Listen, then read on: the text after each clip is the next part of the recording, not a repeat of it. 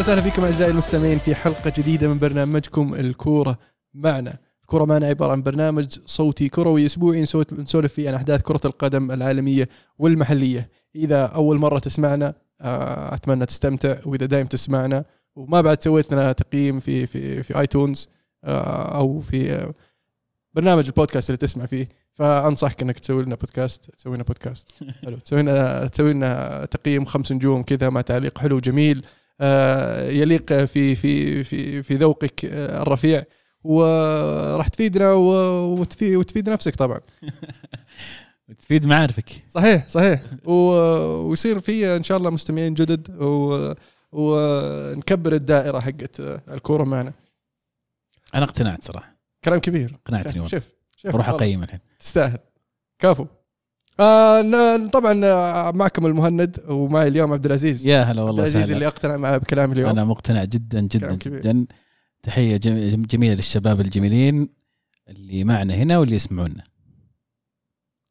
معنا اليوم عبد الرحمن يلا يبداهم يلا حي ألمو وعزيز وعبد الله إن شاء الله تصير حلقة لطيفة خفيفة إن شاء الله بإذن الله. إن شاء الله. أهلا وسهلا. يلا يا ابو عابد هلا back والله بالعيال. شكرا شكرا. انت قلت welcome back والله. والله. أنا, أنا عندي سؤال بس كيف بيفيدون نفسهم؟ إذا سووا review بس من أول انتظر دوري بسأل. شلون يفيدون نفسهم؟ إي الواحد شلون بيفيد نفسه لو يسوي review بس عشان لو لأنه اعتبرت لأنه هو جزء يعني من الكورة معنا. صح. فلما الكورة معنا يكبر وهو يكبر مع الكورة معنا. كلام كبير. ولا؟ بعدين يمديه يقول إن أنا من أول الناس كنت أسمع البودكاست. إيه ويقدر يقول إن أنا جزء من آه، نجاح وتطور والكره معنا. ففعلا. لا والله الحين فعلا. اقتنعت زي إيه، أنت ولا اقتنعت فعلا. كفو. إيه. جميل. باقي واحد إن شاء الله يقتنع. بعد شوي. على الأقل بس. يعني أنا دائما وابدا مقتنع. كلام كبير كلام كبير. آه، الأسبوع هذا طبعا آه، الليغا والسيري آ آه، رجعوا للحياة خلينا نقول. آه، فنبدأ بالليغا ال- ال- المباراة في وجهة نظري المنتظرة. آه، للمحايدين والمتابعين لكرة القدم. كلنا نبغى نشوف برشلونة شو يسوي عقب الصفقات هذه والفيلم بنسجل منه مسجلين وسجلوا لاعبينهم. فعلا شفنا ليفاندوفسكي شفنا آه، شو اسمه ذا؟ رافينا رافينا وشفنا كريستنسن وكيسي يشاركون في المباراة ونفس الشيء ديمبلي آه لكن هذه المباراة الثالثة على التوالي لبرشلونة أمام رايو فيكانو حتى الآن مو بقادرين يعني يسجلون هدف أمام آه، فيكانو المستوى جيد آه لكن يحتاج برشلونة شوية وقت على ما نشوف ال- ال- اللعب ال- الشافي ولا يا عبد الرحمن؟ صحيح. المباراة تشبه كثير آه، اخر آخر مباريات برشلونة الموسم اللي راح. لما تعثر في أكثر من من من مباراة تعادل أو بهزيمة خصوصا في الكامب نو. آه لكن الوضع الآن مختلف بحكم إنه في لاعبين جد- جدد انضافوا. فالحكم على الفريق الآن أو الاستعجال بالحكم على الفريق أعتقد إنه يعني ظالم لل- لل- للتشافي وللاعبين نفسهم اللي اللي ما قدم فيهم أداء آه، آه، ممتاز. آه، لكن إذا إحنا بنتكلم بنتكلم يمكن عن المباراه بس تحديدا أو على على ال 90 دقيقة نفسها. آه، يمكن آه، آه، العتب اللي كان على تشافي آه، يتعلق بالتشكيلة ال- ال- الأساسية وخصوصا خط الوسط آه، مع وجود عناصر آه، خبرة وعناصر ممتازة في خط الاحتياط مثل فرانكي دي يونغ أو حتى كيسي. آه، بالمقابل اللي شارك لاعب صغير آه، زي جافي عمره 18 سنة أو 17 سنة. ف آه، هذا كان يمكن ال- ال- العتب ال- الوحيد. آه، اللي يخص خص تشافي. على مستوى الأداء زي ما قلت أداء جيد. يعني آه، في في مجال لل- للتطور أكيد بكل تأكيد. اللاعبين ينسجمون مع بعض. آه، رافينا خط يعني عنصرين في خط ال- الهجومي جديدين. آه، مع الوقت أتوقع إنهم بيبدون يلقون يلقون نفسهم يلقون يلقون. نفسهم ويلقون ال- الرذم حقهم اللي اللي يمسكهم الطريق. خصوصا إنه في خط في احتياط برضو آه، ممتاز جدا. ف طيب أنا ال- ال- اليوم أقرأ إن برشلونة ما زال مهتم ب آه، برناردو برناردو سيلفا وانه مستعد يدفع 60 مليون زائد إضافات. آه، لكن السيتي متمسك إنه ما يبغى يبيع وإذا أصلا يفكر يبيع ما راح يقل المبلغ عن 100 مليون.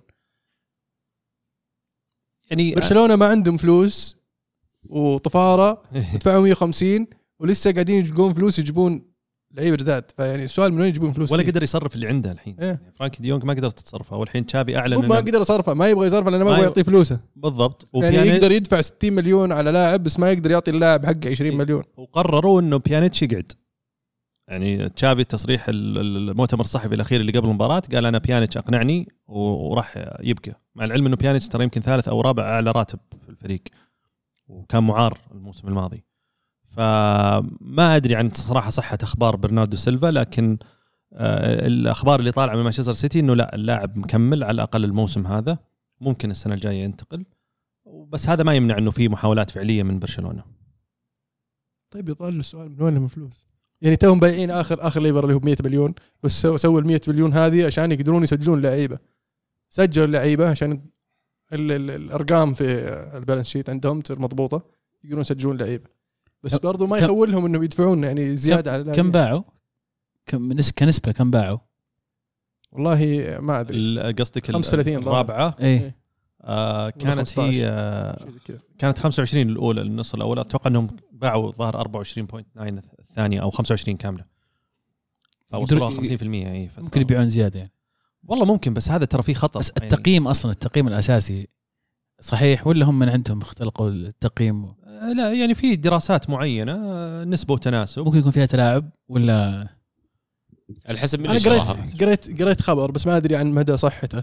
إن برشلونة أنشأوا آه، منشأة أو شركة وهذه الشركة آه، تشاركت مع شركة أخرى عشان يشترون بعض حقوق آه، هذه النسب اللي قاعدين يبيعونها.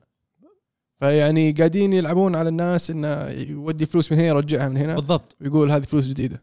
ترى ترى حتى هذه بر Barça Studios وال- والأمور هذه ترى كلها 2019 انشئت ومن اللي منشئها؟ بارتوميو. معناته الحين كان بارتوميو هذا ال- المنتقد آه، أو ال- ال- اللي ما اللي صار هو المكروه. نفع الفريق بطريقة أو بأخرى. لأن الفكرة كفكرة فكرة جيدة ممتازة. إيه شفت هذه ال Studios مثلا؟ أنا إيه. ما أذكر وش وش كانت ال- ال- وش كان الشيء اللي شروا فيه اللي, اللي ذكر في هذا الخبر الخبر اللي شروا فيه. مم. أن أنشئوا شركة جديدة الحين.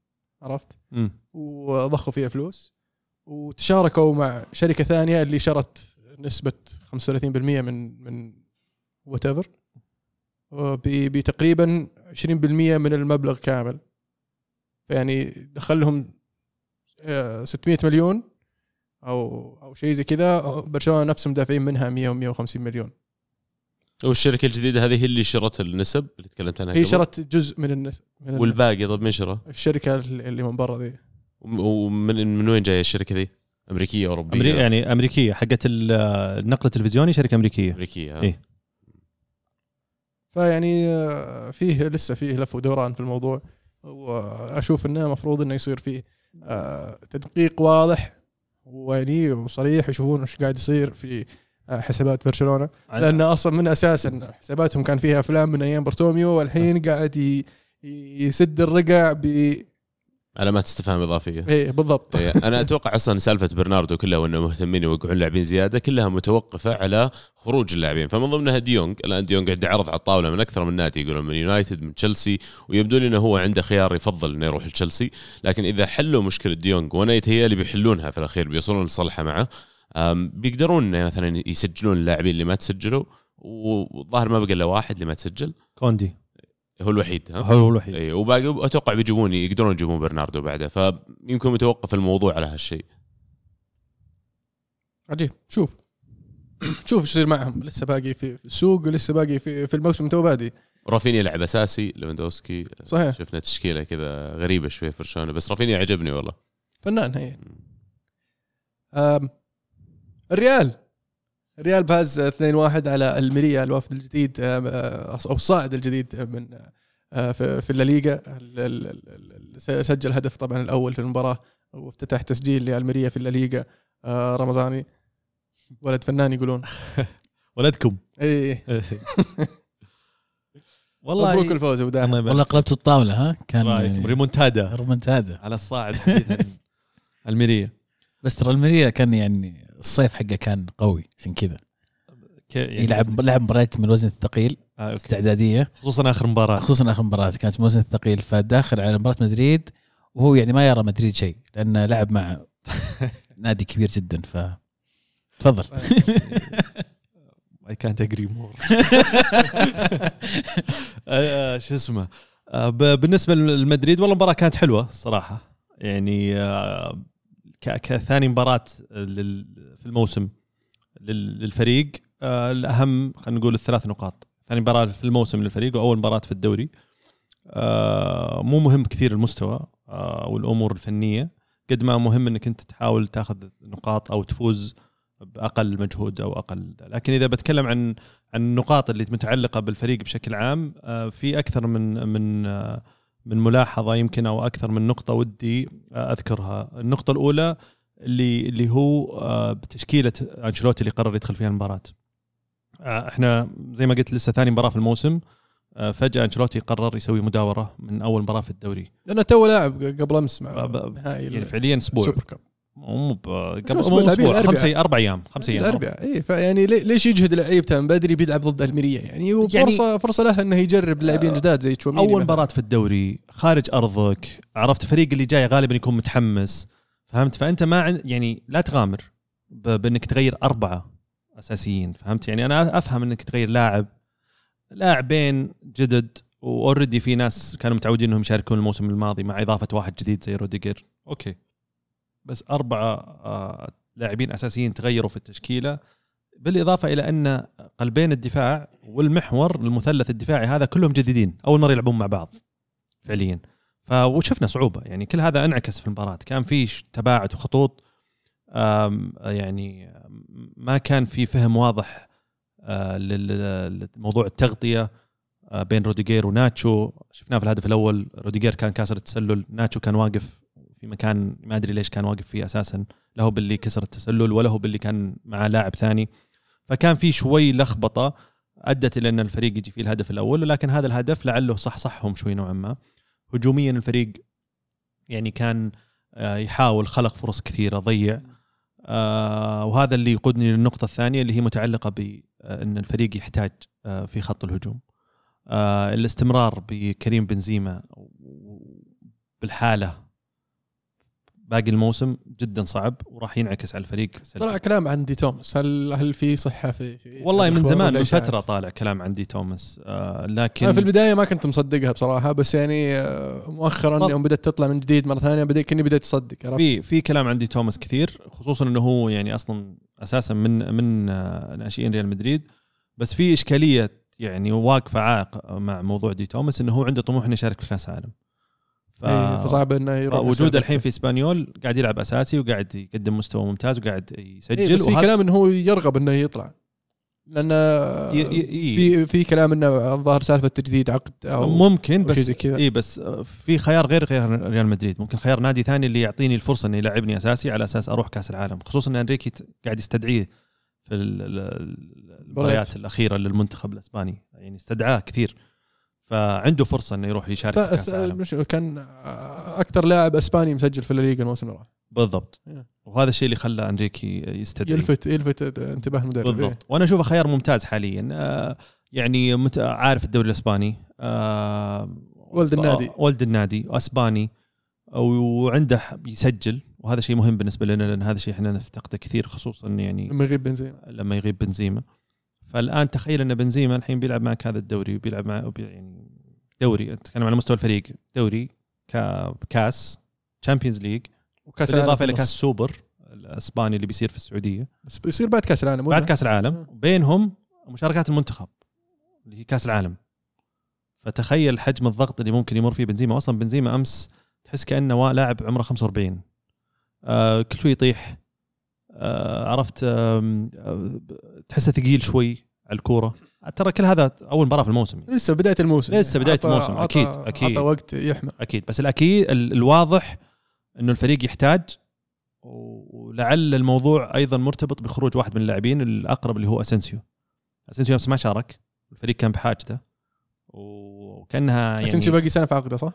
باقي سنة وكأنها إشارة أصلا من أنشيلوتي لأنه سئل أكثر من مرة وجاب طاري إنه ده. ولما سئل أمس بعد المباراة إنه ليش ما أشركت اسنسيو أو اسنسيو إيش وضعه قال أنا بنتظر ننتظر لين نهاية الشهر ونشوف آه يعني آه، وش وضع اللاعب. فواضح إنه في كلام إنه اللاعب. ممكن يمشي. ففي حالة خروجه لازم لازم الفريق يجيب آه لاعب على الأقل يعوض هجوميا. جميل. أقرأ اليوم إن آه، أتلتي مو بأتلتي بالتحديد سيميوني ما زال متحمس وعنده رغبة إن رونالدو ينضم للأتلتي وإن رونالدو طبعا كلنا عارف انه يبغى يطلع وما يمانع أنه يروح للأتلتي بالعكس يبدو لي أنه حاليا متحمس أكثر آه، آه، على هذه ال- الفكرة.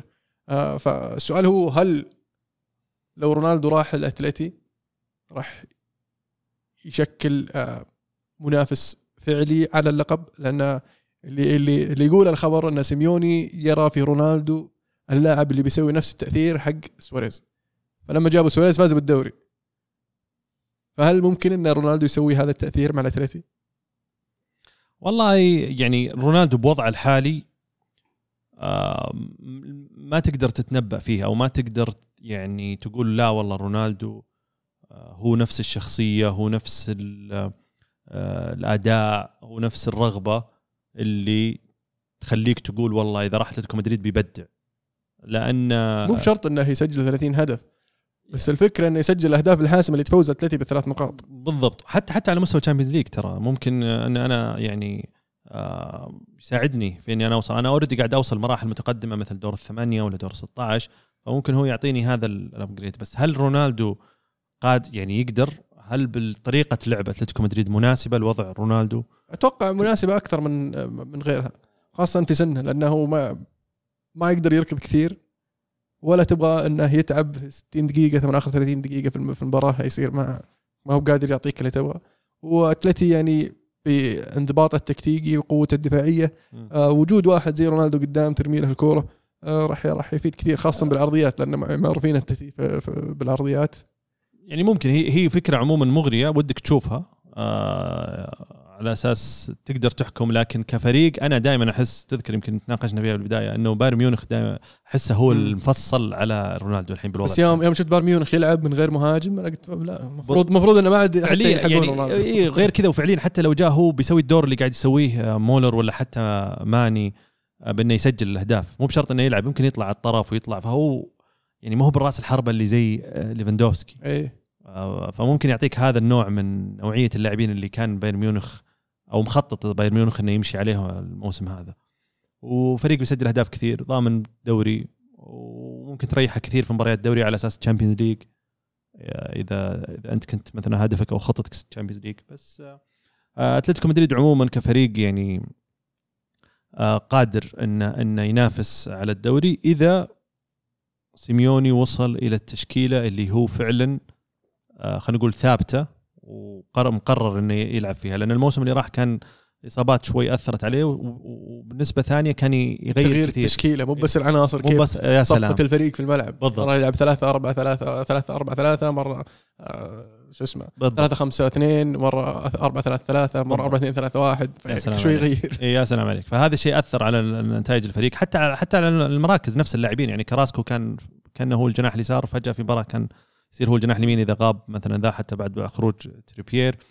آه ف في في شيء آه، كان مفقود الموسم اللي راح. لعل الموسم هذا آه، يرجع آه، حتى مع بقاء كوريا وخلاص واستمرار جريزمان.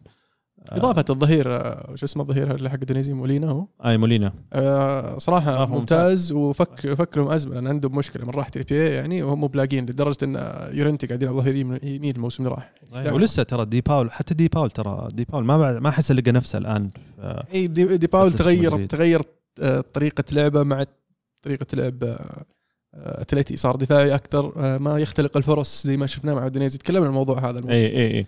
فيبي له فعلا يلقى يلقى له حل سيميوني هذا هذا الموسم إذا فعلا يبغى يسوي شيء. المربع فاز أول مباراة. والله صح عليه. إيه. يعني ثلاث نقاط مهمة بالنسبة له آه، صراحة. ويعجبني فيه انه آه، جاتوزو نتكلم عنه. آه إنه ما ما ما قاعد يبربر كثير. يعني في بعض المدربين آه، يتشكون خصوصا اللي مسكوا فالنسيا في الفترة الأخيرة كان يتشك يتشكون كثير. بحكم الوضع الاقتصادي للفريق بس هو. عارف هذا جاي، بداية. الموسم وصرح. يقول ترى إحنا لازم. نبيع في ناس لازم يطلعون عشان إحنا نقدر نكمل نقدر نضيف وصرح وصرح جاتوزو بهذا الشيء قال ال- الشيء اللي يقنعني بمشروع فالنسيا أو الشيء اللي يقنعني إني أنا أقبل يعني مهمة تدريب فالنسيا بالوضع الحالي للفريق إن الرئيس كان صادق معي آه، ولما اجتمعنا قبل ما نوقع وقبل ما نتفق كان واضح معي بكل شيء آه، يخص النادي لف ودار إيه من من آه، من وضع اقتصادي من حاجة بيع لاعبين علمني كل شيء وهذا الشيء اللي خلاني أثق آه، فيه وأثق بالمشروع مهما آه، صار من بيع آه، أنا مكمل وأحاول أبني الفريق بناء على اللي موجودين أو اللي بنقدر نستقطبهم. فالفريق حقق أمس أول فوز لعله يكون دافع لهم إنه يكون فوز معنوي مهم صراحة بداية الموسم. جدا جدا. خاصة الجمهور فالنسيا اللي كان مستاء الموسم الماضي صراحة كان في استياء عارم صراحة. ومظاهرات على المالك وعلى وهم جمهورهم. غثيث شوي يعني من أكره الملاعب اللي ممكن أنا أحب أو ما أفضل إني ألعب فيها هي جمهور فالنسيا لأنه قريب وعرفت اللي أي لمسة يصفر ومزعج إيه. وإذا جاء فاول يأثرون الحكم ويصفر. فعشان كذا المباريات كثيرة في فالنسيا يصير فيها كروت. رامس كان في كان في كرت أحمر. أو كثير فيها بلنتيات وفيها كروت صفراء وبعضها كثير حمراء. ومع جاتوزو أتوقع راح تزيد ترى. آه حلو. في الد- الدوري الإنجليزي الدوري الإنجليزي أرسنال يا عبد الله يقولون فاز 4 2 في ثاني فوز له يعني شيء مختلف عن بداية الموسم الماضي. آه أرسنال يبدو لي فيه باكبر ثقه آه عندهم آه آه اللاعبين صار صار يعني تحس انه داخلين الملعب عارفين إنهم يقدرون يفوزون. ما فيه ال- التردد أو ال- اللي يفكر مرتين أحيانا تشوفه اثناء أثناء المباراة. آه، مع الإضافات الجديدة مع الاستقرار الفني مع آه، الدعم من الإدارة آه، في في شيء تغير في في ارسنال صادق وما بدأ الموسم هذا أغلب اللي يتابعون عارفين من الموسم الماضي في يعني تطور وتحسن مستمر قاعد يصير في الفريق لكن كان ناقصه عناصر معينة. مثلا تيرني كان إذا غاب ما له بديل آه، آه، أوباميانج ولا ما كانوا يلعبون الدور بالضبط اللي كان يبغى أرتيتا المهاجم حق رقم تسعة يلعبه. آه، واللاعبين اللي استبدلهم آه، مكان هذه الخانات جاب لاعبين أنا بالنسبة لي world class يعني جيسوس اللي قاعد يسويه مع الفريق. آم، بالمقارنة أوباميانج مثلا كان رقم تسعة poacher مستعد إنه يسوي يركض دائما على كتف آخر مدافع. لاجازي لا كان drops deep يحاول يدخل في صناعة اللعب كثير لكن ما عنده القدرة إنه يصنع اللعب ويرجع يتقدم آه، يسوي ال runs هذه في المساحات اللي موجودة في الدفاع. لكن جيسوس يجمع ما بين الاثنين وعنده ال ال آه، خلينا نقول الدراية وال- وال tactical awareness الكافي إنه يعرف كيف يتبادل مراكز مع ناس زي مارتينيلي مع اوديجارد وفي فترات مباراة حتى مع تشاكا. يعني كنا نشوف تشاكا يلعب كأنه هو ال false nine قدام. التغيير اللي قاعد يصير في الفريق شيء رائع. اليوم يعني أشعر إنه حتى جيب سيتي جيب ليفربول جيب الأندية هذه القوية لأنه الفريق هذا على الأقل اللي قاعد تشوفه قادر إنه ينافس قادر إنه يعني يداقش ذولي على الأقل في مباريات معينة. أنا ما أدري إيش يصير لكن اليوم كذا صار عندي زي آه، أحلام ال- ال- اليقظه زي ما يقولون. وقلت okay فزنا إحنا اول مباراتين. لو بتل الفريق يفوز يعني هل في شيء يمنع؟ ومتى المرحلة اللي الفريق يبتل يفوز اللي تبدأ تقول okay طب تعال الوضع ما عاد هو top four خليني أشوف إيش أقدر أسوي يمكن top 2 حتى. فوش عدد كم كم فوز لازم تجيب قبل ما تبدأ تفكر زي كذا؟ هي ال- ال- ال- التفكير زي كذا هو اللي يضيعك خاصة في في في مرحلة زي ارسنال آه، الهدف هو ال top four أرسنال عارفينه والجمهور عارفينه والإدارة عارفينه. فاللي يقدر يسويه أرسنال في إنه يتخطى هذا الشيء إنه يلعب مباراة كل مباراة بمرتها. ما يفكر بعيد ويبدأ يفكر يشطح أقدر أفوز بالدوري أقدر أجيب top 2 أنا أبغى top 4 أهم شيء المباراة اللي بعدها أبغى أفوز.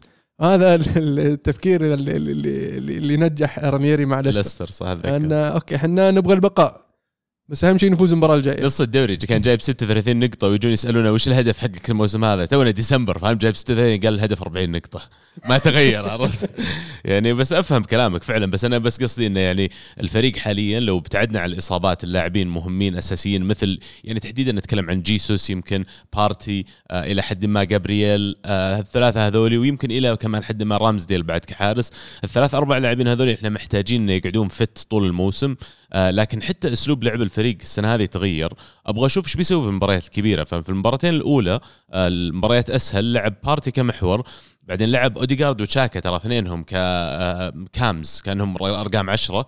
يتبادلون اثنينهم المراكز مع حتى جيسوس مع مارتينيلي مع ساكا. ففي حركة كبيرة في, في الهجوم. أنا ما أدري لو أحد منكم شاف All or Nothing هذا حق ارسنال اللي طلع. هالأيام قاعد ينزل. نزل منه ست حلقات إلى الحين. اللي لفت نظري في واحدة من الحلقات جايبين بعد المباراة الثالثة وثلاث مباريات آه، بداية الموسم. الموسم الماضي أرسنال خسروا وبعدين نورويتش المباراة الرابعة. فأرتيتا يدور على المدربين حقين ال- ال- ال coach وال staff يقول لهم عطوا اللاعبين آه، إرشادات أقل. خليهم المفروض هم على الملعب يصير عندهم ال freedom يصير عندهم الحرية إنهم يتخذون القرارات لأنهم أقرب للعب وأنا أبغى ألعب fluid system وهذا الشيء اللي شفناه في المباراة أو المباراتين الماضيات تحديدا ضد ليستر كانت يعني حسيت ال execution بالملي عرفت؟ على على الرغم إنك لقمت هدفين بس انه سجلت أربع أهداف وكرة القدم positive لمسة واحدة ذكرني كثير بكرة القدم اللي كنا نلعبها أيام فينجر واللي فقدناها خلال الثلاث أو أربع سنوات الماضية. لكن والله أرتيتا يعني nothing but respect والحين فعلا أنا أثق وأثق بال process اللي قاعد تسويه. طيب عبد الله إحنا أول شيء ما أخذنا منك توقعاتك قبل الموسم ممكن تعطيني إياها الآن لكن حاول ما تكون متأثرة بالأب- باول جولتين. هذا النقطه الأولى. النقطه الثانية كثير ما بدأ أرسنال بدايات مبشرة بالخير وسريعا ما نرى كل الأمور ترجع زي ما كانت. آه وش مدى ثقتك السنة هذه بتكون مختلفة وليش؟ وش الشيء اللي ممكن يخلي السنة هذه غير؟ أول شيء لاعبين مختلفين إدارة مختلفة مدرب مختلف. كم من شيء على هذه؟ أول شيء بخروج توريرا اللي مشى الأسبوع الماضي راح غلطة سراي أعتقد في البخشة ما أدري راح الدوري التركي. اي غلطة سراي هذا آخر لاعب تعاقد معه سفن مسلنتات اللي هو كان مدير الكرة قبل الإدارة الحالية قبل إدو وذولي. هذا آخر واحد من اللي جابهم اللي خلاص طلع من النادي. ففعليا اليوم بعد أوباميانج بعد لاكازيت بعد هذول كلهم اللي مشوا آه، ميتلاند نايلز حتى اللي, اللي الصيف الماضي كان active يعني. لكن اليوم أقدر أقول لك هذا فريق مختلف مدرب مختلف ومرة ثانية على All or Nothing احترمت آه، أرتيتا انه بالنسبة له أكبر من مجرد أني أنا أبني مشروع ونادي قاعد يبني آه، ثقافة وكلتشر في النادي. فمثلا أوباميانج اللي كان كابتن الفريق أعلى واحد راتب كان يتأخر على التمرينات مرات. كان يعني إذا أعطوه يوم إجازة اخذ يومين كذا شوي يعني في أندية ثانية وفي إدارات ثانية حتى في أرسنال من قبل كان ممكن أعطوه الليونة هذه وتغاضوا عن اللي قاعد يسويه لكن أرتيتا بالنسبة له أنا قاعد لازم يكون ما في أحد فوق النادي ما في أحد فوق الثقافة هذه حقت اللي كلنا للنادي كلنا للهدف الواحد. فلما تصير انت امورك في يد واحد يفكر زي كذا أنا احترمه الصراحة وبالعكس ما في ما في مرة أتذكر خلال الاربع أو خمس سنوات الماضية تحمست إني أحضر مباراة الأرسنال وفعلا أدعم وأشجع. قد لما شفت المباراتين هذه ولما شفت ال show اللي طلع كيف فعليا كيف يفكر وكيف يدير الأمور داخل النادي. حلو. طيب توقعك للتوب فور توقعي التوب فور ولا الفايز الدوري؟ top four الت- اللي فايز بالدوري أتوقع السيتي بيكون ما زال أقوى فريق. سيتي أه، ليفربول وأعتقد سبيرز وأرسنال. هذا هذا ال top four حلو. ال- السيتي فاز شيء طبيعي. ليفربول يلعبون اليوم. فالمباراة الأكبر والأهم هذا الأسبوع اللي هي ديربي لندن تشيلسي وتوتنهام ال- توتنهام طبعا يواجه صعوبة زي كثير من الأندية في إنه يفوز في ستانفورد بريدج. لكن اللي لفت انتباهي في هذه المباراة ال- ال- ال- شخصية الفريق آه، توتنهام. آه، وصدق المثل اللي يقول لك أو ال- ال- اللي يقول إن شخصية آه، الفريق بشخصية المدرب. كيف توتنهام كان مستعد يقاتل وقاتل إلى آخر الدقائق. كيف إنه خطف ال- ال- ال- ال- الكورة من شو اسمه هافرتس الكورة اللي سببت آه، مشاكل والله انظلموا الصدق لا لا على صدق؟ الكورة والله انظلموا. على الكوره بنجيها دقيقه بس إيه. هذا خلوها آخر شيء لأنه إنه فيها كيف- سالفة كيف كبيرة خط. كيف خطف الكورة وكيف آه، ارتدوا وجابوا هدف آه، طبعا هايلايت آه، بالنسبة لي حق المباراة يوم الطاقه المدربين صراحة وسع أي اي. دقائق الأول ولا الثاني كلهم اثنينهم متحمسين اثنينهم فيلم والصراحة معليش مع كامل احترامي للناديين أسلوبهم اثنينهم آه، كرة قدم عقيم عرفت سلبي اللي جايين بيلعب بي- أهم شيء يفوز وما يفرق معي بيخرب عليك مباراة وبيفوز. وفي الأخير اثنين اثنين أعتقد اللي كسبان منها كونتي. قاعد تلعب خارج ملعبك آه، خطفت جول في الدقيقة الأخيرة طلعت بنقطة يعني ما أنت ما أنت بزعلان كثير. فعلا بس ال- ال- ال- الملاحظة اللي على كونتي أو على توتنهام فريق توتنهام أنه لما غير التشكيلة خلاها 4 4 2 عشان يقدر يخطف هدف التعادل آه شوي صار شو أقول لك؟ انضباط الفريق والتوزيع الفريق خاصة لما خسروا الكورة في الهدف الثاني آه كيف التركين مساحة كبيرة على الجهة اليسرى آه كيف إنه لما خسروا الكورة ما استردوها بسرعة. آه، كان في شوي شوي زي ما يقولون كذا برين فارت صارت كذا بسرعة وخطفها خطفها تشيلسي آه، فاضطر يرجع يرجع سوى تبديل رجع التشكيلة زي ما كانت ورجع الفريق منضبط آه، بالشكل اللي هو يبغاه وقدر يخطفون الهدف آه، الثاني وهدف التعادل. ف شيء يشهد يشهد لكونتي أو شيء التبديل اللي حصل التعادل التبديل اللي رجع الفريق وحصل التعادل لكن نقطة يبي له يشتغل عليها اللي هو انضباط فريقه لما يتغير التشكيل اللي هم متعودين عليه وتوزيع الفريق كيف يغطون المساحات وحاله وحالة است- استرداد الكرة. آه، توتنهام بشكل عام كان فيه آه، يعني في البداية بادين كويس لكن كان فيه آه، نوعا ما آه، زي ما تقول حسيت في وسط المباراة إن آه، توت هذا توتنهام. آه، خاصة بعد ما جاء الهدف. بس كيف كونتي قدر يحرك الفريق وشفنا الفريق يشتغل مرة ثانية آه، وقدروا إنهم يرجعون للمباراة مرتين آه، فهذا شيء يعني صراحة يذكر ويشكر لي إيه،. تعليق تعليق على كلامك. أنا أول شيء لما سبيرز دائما متعودين يلعبون ثلاث قلوب دفاع فلما تغيرها الأربعة إذا اللاعبين التشكيلة اللي موجودة عندك أول شيء ما عندهم النوعية ال quality من ناحية تكتيكية إنه يقدر يتأقلم وكمان ما تعود على المدرب لفترة كافية من الزمن طبيعي إنك تشوف الثغرات تطلع. فتتكلم انت عن قلوب دفاع اللي بادي فيهم الموسم الماضي وحتى بداية الموسم ديفيس داير وروميرو. ما كملوا الحين سنة يشتغلون معه. وديفيس أنا بالنسبة لي ك quality أقل يعني من إن سبيرز مثلا يطمحون إنه يصيرون المركز الثالث ولا غيره. أنا أشوف داير أسوأ منه. داير أسوأ. أنا أتفق معك في أسوأ، نقطه. الدفاع هذه النقطة كنت أبغى أقولها إن بان في هذه المباراة إن توتنهام يحتاج تدعيم في خط الدفاع إذا فعلا يبغى يفوز في بالدوري. في لونجلي موجود already بس إنه مصاب. إيه بس برضو ما يكفي الحالة لأنك تحتاج إنت تلعب ثلاث مدافعين فتحتاج ثلاثة quality فجبت لك لونجلي على اليسار وعندك روميرو على اليمين تحتاج واحد كويس في النص. يكون معهم. أنا أشوف أنا أختلف معكم على داير لأن أنتم تنظرون له يمكن كقلب دفاع. ترى إيه. الدور المطلوب منه في سبيرز في خطة كونتي هذه هو ball carrier يسمونه أو حامل الكرة. فهو أكثر من كونه يعني آه، ال- القشاش الليبرو اللي ورا لا هو مطلوب منه إنه ينقل الكرة من الدفاع للوسط وفي مرات كثير لو انتبهتوا كمان هجمة عادية ما فيها corner ما فيها شيء رفعة فجأة داير في منطقة الجزاء حقتهم هذوليك هناك. فالدور اللي يلعبه قد لا يكون إنه ترى traditional center back ولأن أصلا داير لو تتذكرون محور لاعب وسط. فعشان كذا الدور هذا قاعد يلعبه. مدافع ترى. آه توتنهام اللي حوله إلى محور. آه في, في لما كانوا يحتاجون محاور. ال- اللي يذكر في هذه النقطة أن نفس الشيء سوى مع لويز مع تشيلسي. كيف؟ صح. آه لويز كان مدافع نكبة. وقام ال- وطريقة اللعب وحط معاه مدافعين كويسين وأعطاه الحرية أنه يتحرك يوزع اللعب ويتقدم نشوفه كيف في النص كثير. نفس الفكرة بس أنه كان عنده واحد على اليمين كويس واحد على اليسار كويس. فهذا يبغى على الأقل واحد على اليسار كويس إذا إذا ما راح يجيب واحد مكانه. يعني. أنا أتوقع بتشوف روميرو ولونجلي بيلعبون يمين ويسار وداير بيستمر يلعب هالدور لأنه يعني يمكن فعلا حلو مثال لويز. لويز يمكن أكثر آه، توزيع كرة passing carrying dribbling وتسديد. داير أكثر يزيد لك آه، جسم جوا منطقة الجزاء واحد يدق راس لأنه كين النزعة حقته إنه يرجع deep يرجع كرقم عشرة كأنه.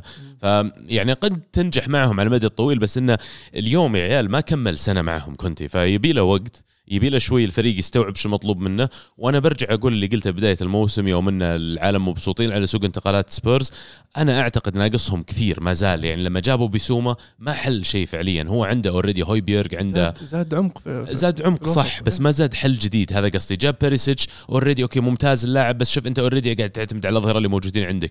أنا توقعت إنه يعني بيجيبون واحد من اللاعبين المتاحين اللي غير شكل زي فرانكي ديونغ مثلا. أنا أتخيل لو جاهم واحد زي إريكسن حتى لو حاولوا يجيبونه. ناقصهم ما زال بالنسبة لي هذا اللاعب اللي إذا جاء خلاص يا كين أنت تك رقم تسعة قدام لا ترجع لي ورا. بس وأحس ناقصين إيه. شوي من هالجانب. آه، وارد جدا بس طريقة لعب كونتي خاصة إذا إذا إذا شفنا في في كيف طريقته تتغير من الدوري الإيطالي للدوري الإنجليزي في الدوري الإيطالي يلعب آه، ثلاثة خمسة اثنين في الدوري الإنجليزي يلعب ثلاثة أربعة ثلاثة. فالاثنين اللي ورا هو ما يحتاج اثنين يكونون آه، يعني صانعين لعب زي فرانكي ديونج قد ما هم ناس تقطع كورة وتعرف تمشي كورة زي هويبرغ و, ويستفيد؟ بداير ممكن إنه إيه. يلعب ذا الدور مثلا فعلا. إيه. آه ف ال- الإضافات اللي اللي ضافها زي آه شو اسمه بيريسيتش بيريسيتش يعطيك خيارات متعددة لأنه ممكن يلعب على اليمين ويلعب على اليسار وتقدر تلعبه قدام إذا بغيت صح نفس الشيء في ال- ال- ال- اللاعب الثاني اللي, اللي من هو الثاني اللي ذكرته ريتشارلسون بسوما. اي بسوما. بسوما لأن شفنا توتنهام يعاني كثير لما يفقد أحد لعيبة الوسط لما يلعب سكيب ولا يلعب آه، وينكس. آه، ال- ال- الفريق يختلف وكيف سيطرتهم على المباراة تختلف خاصة الأشياء اللي من الأشياء اللي يطلبها المدرب. آه ريتشارلسون راح يضيف لك هذا الشيء لأنه برضه يعطيك أكثر من خيار يقدر يلعب على اليمين على اليسار يلعب مهاجم ويعطي الفرصة ل آه كين إنه يرجع ورا لأن عندك اثنين هدافين في سون و- وش اسمه كولوسيفسكي وحتى ريتشارلسون إذا نزل.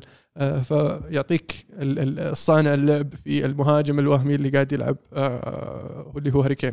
فأشوف انه آه، زي تقول مرونة في في في في, في تشكيلة كونتي وعنده الخيارات إنه يغير ويشكل آه، بشكل بشكل طبيعي.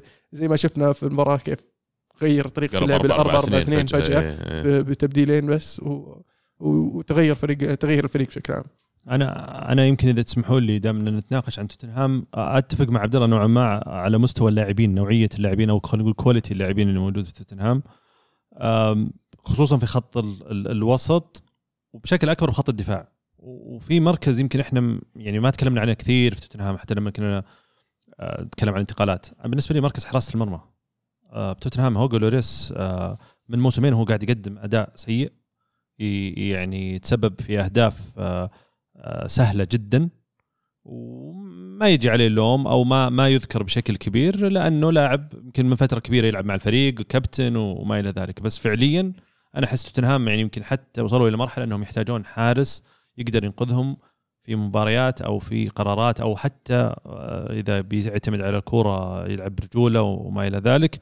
يصير في خيار ثاني. أه، على المدى القصير ما يحتاج يغيره. لوريس حارس خبرة ولا حارس عارف الفريق وقائد للفريق خاصة أن عقد كونتي ترى مو طويل فمو من ال- ال- ال- ال- ال- الحكيم أنه أو من الحكمة أنه يغير ال- الحارس في فترة زي كذا أو أنه يجيب آه، واحد آه، ممكن يكون الموضوع عليه مختلف تماما في الدوري الإنجليزي. أي يمكن بس أنا بالنسبة لي أشوف آه، لوريس آه، مستواه يعني در- دروب. أي مستواه قاعد ينزل تدريجيا لأنه بحكم سنة وحكم صار إيه. صار له فترة. أي، كم صار؟ عمره الحين 35 سبب. سنة. بس إيه، يعني بس في لكن- ناس ثانيين بداحم أغيرها معليش أنا يعني لا لا أنا لك لا لغي. لا أنا قلت بالبداية إيه، قلت. النص هين. الوسط الدفاع واحد منها لوغي بس أنا أشوف إنه لوغي من يعني أفضل ثلاث حراس بريمير ليج لا لا يعني إلى اليوم ثلاث من أربعة. بتجيب لي أحسن من أربعة. أربعة خمسة. أوكي أربعة أربعة. يعني, يعني مرة ثانية إذا أنا أبغى. التوب فور ستة وعندي واحد من أفضل أربع حراس هذا يكفي يعني يعني في أسامي ثانية بن ديفيس معليش سيسينيو إمرسون ديفيس. سيسينيون شو اسمه الظهير اليمين مين يلعب مع هويبرغ ميرسن الحين هاي هاي ب- بنتنكور بنت أوكي بنتنكور إعارة بعد جاي يعني لا، لا لا. شرى شرى خلاص. إي إي. لا لا. حتى الطريقة أنا أقول آه، النقطة الثانية اللي كنت بقولها طريقة اللعب اللي تغيرت زي ما ذكرت المو إنه مع إنتر كان 3 5 2 وكان يعتمد على لوكاكو بأن ال- ال- ال- المهاجم اللي يعطي ظهره للمرمى وي- ويستقبل الكورة ومارتينيز هو اللي يقطع. الآن ثلاثة قدام أمس حسيت فعليا إن في في لخبطة شوي قدام. في شيء آه، مو بواضح. في شيء يعني آه، كين يرجع آه، يستلم كورة مرة آه، ب- في العمق. يعني في العمق. آه، وفي فراغ نوعا ما. آه، سون يضطر إنه يجنح يطرف عشان يخلق الهجمة أو أو يستلم الهجمة. لا وما في إلا سون اللي عنده هذه القابلية إنه. يتقدم يصير striker ومسك طول الوقت هم عارفين. أول ما كين drops في العمق على طول سون عليه اثنين. صح. وهذا وهذا الشيء اللي ممكن آه، يعني يأثر على على توتنهام مع الوقت مع مرور المباريات. الشيء اللي يراهن عليه هو الشخصية اللي كونتي يمكن آه، زرعها في الفريق أو بيزرعها في الفريق إن أنا في كل مباراة لازم يا الفوز هو خيار الأول إذا ما فزت في اسوء الاحتمالات بتعادل وهذا اللي شفناه أمس زي ما قلت. لكن على مستوى العناصر اللي تفرق أو اللي اللي ممكن تريحك في مباراه مباريات كثيرة وتفرق اثنين ثلاثة ممكن يصير فيها فيها صعوبة لأن الطريقة شوي غير واضحة. حتى أمس حتى على مستوى التغييرات. أنا أنا اللي شفته ترى إحنا نتكلم عن مباراة عشان ما نكون قاسيين. يعني. إحنا نتكلم عن 90 دقيقة اللي شفناها أمس. التغيير أمس تغييرات أعتقد إنها ما كانت مناسبة. كولوزوفسكي كان من أسوأ اللاعبين أمس.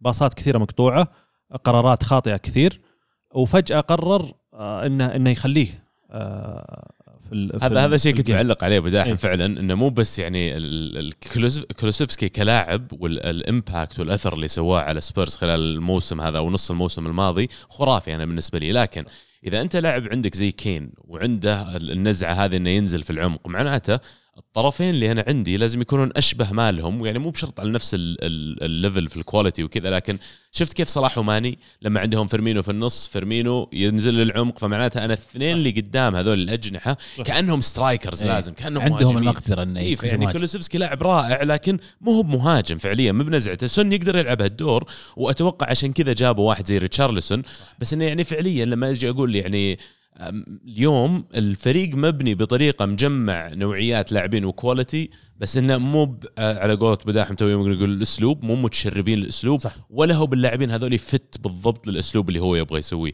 فكونتي الآن في موقف صعب الصراحة. إي. عنده في شيء يبغى يسويه في باله اللي هو هذا إنه يخلي يعطي كين حرية إنه يرجع ورا بس في نفس الوقت لازم تصير واقعي على ال squad اللي عندك وأنت إيش تقدر تسوي. فعشان كذا أنا مرة ثانية ما مهما كان ال- الصيف حق سبيرز كويس.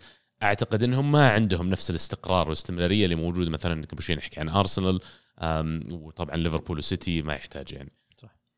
ب- بالمقابل طبعا عشان ما ن... ن... عشان تشيلسي نعطي تشيلسي حقه. تشيلسي ترى قدم مباراة كبيرة أنا بالنسبة الشوط الأول الشوط. الأول وتقريبا لين أول عشر دقائق من الشوط الثاني يعني است- حاولوا يستمرون على نفس الرتم. صراحة شوط أول أكثر من رائع. 75% تقريبا امتلاك الكرة عندهم الشوط الأول. هبال. وهذا اللي يمكن تكلمنا فيه قبل على أن تشيلسي في حال الآن أعار لوكاكو آه، مشى فيرنر بيعاني بعدم وجود راس حربة حتى مع وجود اللاعب بروخا وبن برويا هو بروخا مو بلاعب أساسا بروخا مو بلاعب أساسي. و- وال- وال- والفرص اللي خلقت للفريق آه، أمس في الشوط الأول لو في راس حربة أحس كان ممكن سجل منها على الأقل هدف. بداحم أنا أشوف ما ينفع تشيلسي الآن ما دام هم مشوا لوكاكو وقاعدين يلعبون بال false nine وكذا ما أعتقد مناسب إلى اليوم إنهم يلعبون بثلاث سناتر. يعني وهنا اللي يجي يمكن شوي تضارب في ال في خلينا نقول في السياسة والفكر. الآن أنت فريقك متعود دائما يلعب 3 center backs ومتعود على الصفة هذه وفعلا يعني جايبة نتيجة معهم على حد عدد ال clean sheets اللي قاعدين يجيبونها ودفاعهم قوي. طيب لما تروح قدام لما يصير أنا الهجوم حقي مكون من ستيرلينج وماونت وهافرتز قاعد أفقد كثير. ما عندي ال- المهاجم ال- اللي هو الهداف إلا يعني ستيرلينج إلى حد ما مجيوب عشان هذا السبب بس ما يكفي واحد. مرة ثانية زي ما تكلمنا مع سبيرز قبل شوي عندهم سون يبغى لك واحد ثاني. وأعتقد بتشوف تغيره في تشيلسي خلال الأسابيع الجاية في ظل وجود لاعبين زي بوليسيك في ظل رجوع آه جالاجر آم، وجود يعني خلينا نقول أكثر من طريقة تشيلسي يقدرون يصفون فيها فريقهم. راح يوصل لتوليفه أعتقد فيها balance لكن ما أعتقد إن فريق تشيلسي هذا بيسجل أهداف كثير. آه إيه. وكان واضح أمس. يعني آه حتى مع مركز آه ريس جيمس ال- الجديد اللي أعتقد إنه لعبه الموسم اللي راح آخر الموسم اللي راح توخيل بدأ يجربه لما عرف إنه ممكن ازبليكويتا بيمشي أو حتى روديجير. ولا كان آه، يضمن مين اللي ممكن يغطي هذا الخانة. ريس جيمس أمس لعب كمدافع ثالث تقريبا مع آه تياغو سيلفا وكوليبالي مع وجود لوفتس آه تشيك. إي لوفتس تشيك بدا بدا رقم تسعة. لا بداية المباراة تاكي قدام إيه هو تاكي ورجع. قدام على. أساس إنه هو الجناح. هو وكوكوريا كان المفروض وجيمس كان المفروض هو اللي على اليمين ويتقدم. يعني في في أسلوب وطريقة معينة. ف تحس إنك أنت في في هذه الطريقة خسرت لاعب زي ريس جيمس على على على الجناح. واللي واللي واللي شفناه لما آه، تغير جورجينو ورجع لوفتس تشيك كلاعب في منتصف الملعب ورجع آه، ريس جيمس إلى إلى مركز الرئيسي وحتى آزبي رجع وصار هو السنتر الثالث آه، ساهم وسجل الهدف الثاني وصار في خطورة في خطورة أكبر. أنا بسوي توقع واحد. أتوقع تشيلسي بعد ثلاث أربع أسابيع بتشوف الخطة الأساسية حقتهم. مرة شبيهة بلايبزج لو في أحد منكم قد شافها اللي هي 4 4 2 صندوق يسمونها. 4 2 2 2 أيوه بالضبط بالضبط. فبيلعب أربع مدافعين بيرجع بيلعب باثنين قدامهم محاور عندك اللي هم جورجينيو و- وكانتي وبيلعب بالأطراف اللي هم على اليمين وعلى اليسار. في الغالب راح تشوف ماونت وراح تشوف عاد بتشوف بوليسيك جالاجر ما أدري من اللي موجود الخيارات اللي عندهم. وقدام بيلعبون هافرتز وستيرلينج. وأعتقد هذه ممكن تنفع بالنسبة لتشيلسي.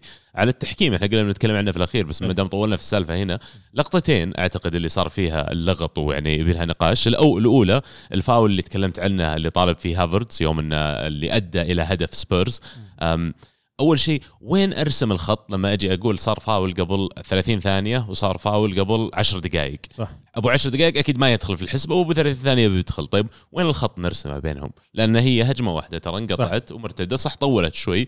بس متى نقول إن هذا الفاول ينحسب ومتى لا؟ الخبير التحكيمي حق البريمير ليج قال إن بين الفاول والهدف 44 ثانية فمن يعني غير المنطقي إن ال- الحكم يرجع 44 ثانية ورا. فهذا خلاص إيه. كنا راحت ال- ال- ال- اللقطة هذه والحكم قرر يكمل ونفس. السؤال اي نفس الأسئلة متى؟ تنحسب لعبة جديدة؟ إيه. يعني متى تنحسب لعبة جديدة بعد قرار الحكم قرار تقديري الحكم قرره لأن اللي كنا نعرفه قبل حتى في ت- تحليل كثير يعني أكثر من تحليل خاص بالتحكيم كانوا يقولون إنه في حال الكورة اللعب ما توقف في حال إن اللعب ما توقف والحالة صار يعني الهدف تسجل وفي حالة صارت والوقت بين الحالة وبين الهدف مستمر اللعب فيه هنا يقدر الحكم يرجع للحالة. لكن اللي صار أمس أعطانا إيحاء إنه فعليا آه فيه وقت أو فيه آه مدة آه، زمنية مدة زمنية تعطي الحكم آه الصلاحية بأنه يحسب الكورة هذه أو الهجمة هذه كلعبة جديدة. أنا صار فاول قدام أنا كحكم تقديري عشان برضو حتى اللعبة تمشي يعني عشان ما يصير كل شيء ذا أنا كتقديري ال- الفاول هذا مو فاول خلاص مشي الكورة مشت الكورة راحت لفت آه، لعبوا الفريق رجعت ورا بعدين رجعت تقد... ما طلعت out ولا طلعت ركنية ولا توقف اللعب الفاول آه، مستمر وجاء هدف. هنا الحكم بيقول لا خلاص الفاول هذا صاير. نفس السؤال إيه؟ إيه. إيه؟ إذا هو 40 فهمت. 40 ثانية ما رضى يرجع له متى الخط إيه. الفاصل هذا كم أجي أقول هل هو عدد ثواني معين هل أقول لما يصير back pass لازم تقنن بطريقة صح. صح. معينة انه كيف تعتبر نفس الهجمة وكيف ما تعتبر نفس الهجمة لأن الصراحة مو ب fair بعد إذا أنت لاعب وانبرش عليك أحد وأنت حسيت إنه فاول كيف أعرف إن هذا بينحسب ولا مو منحسب ولا هذا يدخل في حسبة الهجمة المرتده بصفارة الحكم تعرف ما صفر الحكم قم اركض الحق الكوره أسأل أنا وياك تقعد توين وقع عند الخط تقعد. تصارخ على الحكم الرابع لو ما صرخت عليه الكورة. ما يرجع يطالع في كثير من الحالات. الحق الكورة. عارفين. منك وقفت الكورة انبرشت عليه وقفت اللعب غصب روح قل للحكم راح يرجع لها.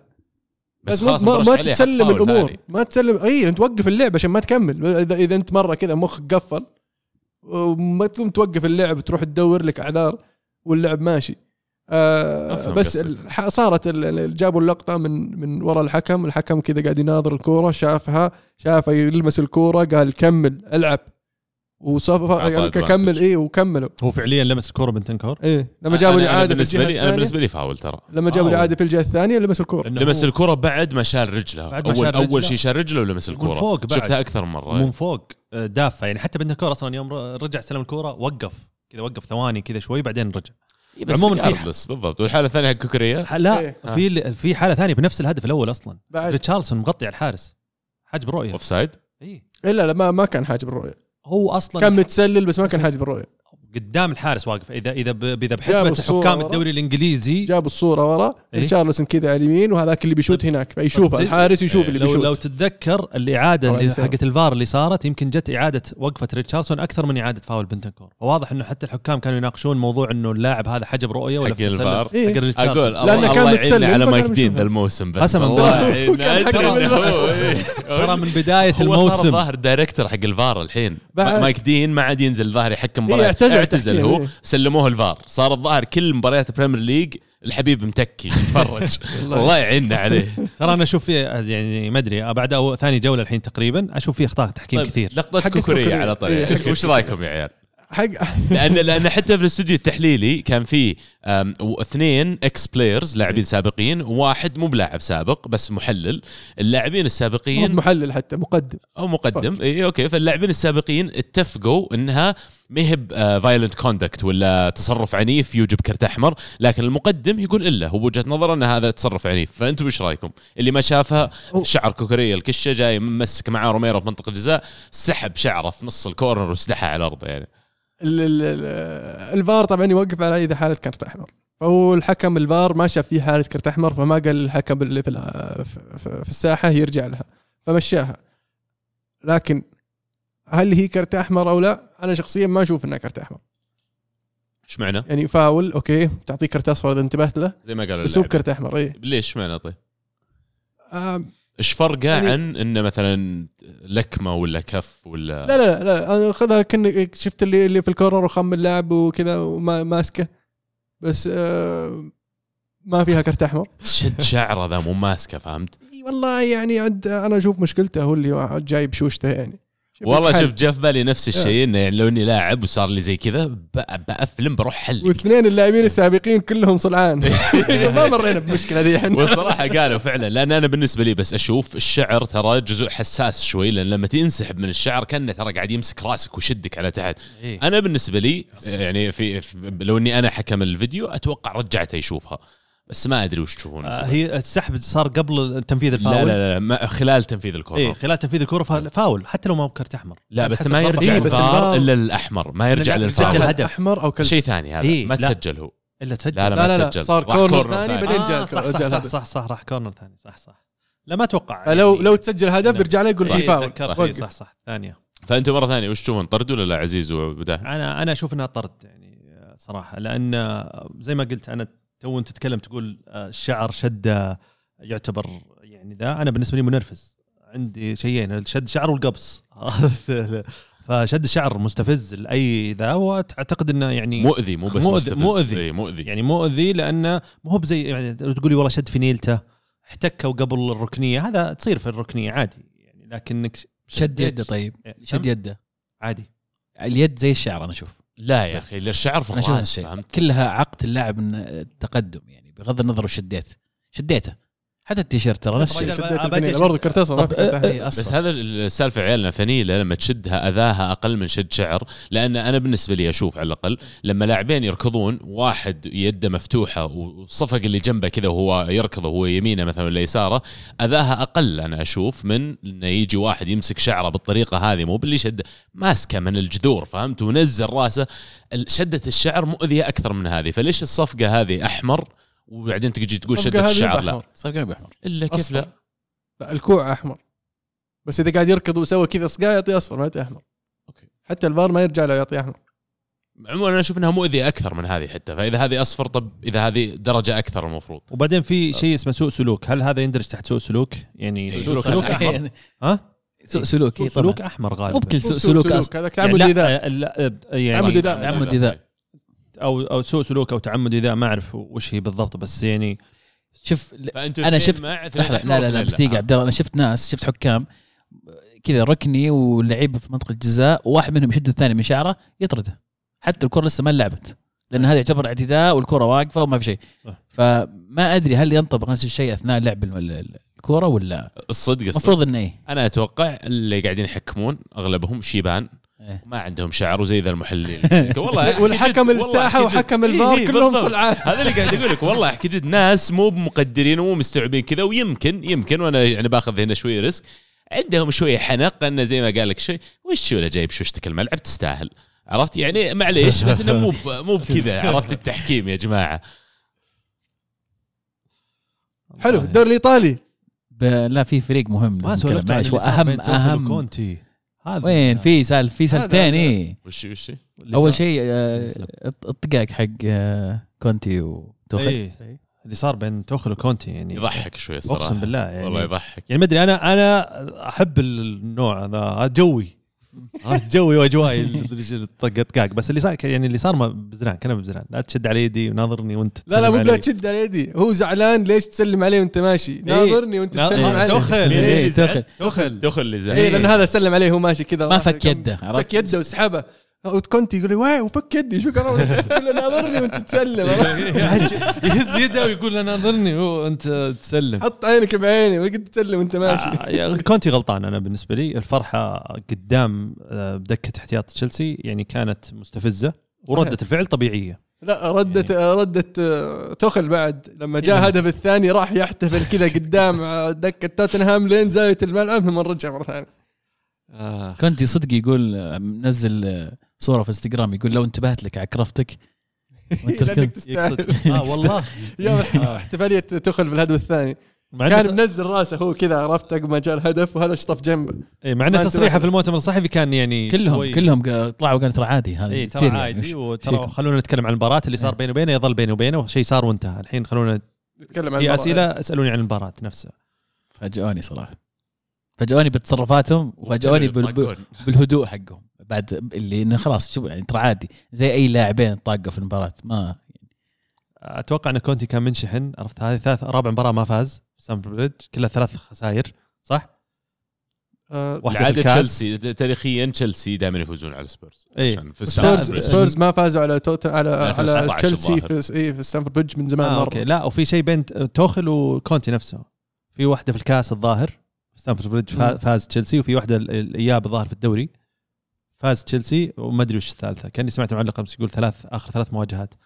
معلق العربان لا تدقق لأنه إيه يعني بعد شوي بصل حق اللي قام يفلم باسم آه، مالك شو اسمه آه، الظاهر هم برنتفورد. قام رؤوف خليف قام يقول مدربهم هاري بوتر وما أدري إيش قام يفلم. الله. آه برايتن برايتن ها يعني بجيب بعد شوي بعطيه أكبر بصل يعني. اعطاري برنتفورد. وش صار في مباراة الأسبوع ذا؟ والله الله؟ عزيز عادل صفر صفر. شيء. والله؟ إيه. مع مين؟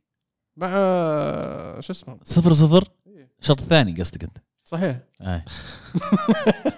الشوط الأول وش صار؟ برنتفورد فاز 4-0 على يونايتد الشوط الأول. أنا أشوف السبب الطقم. الليموني.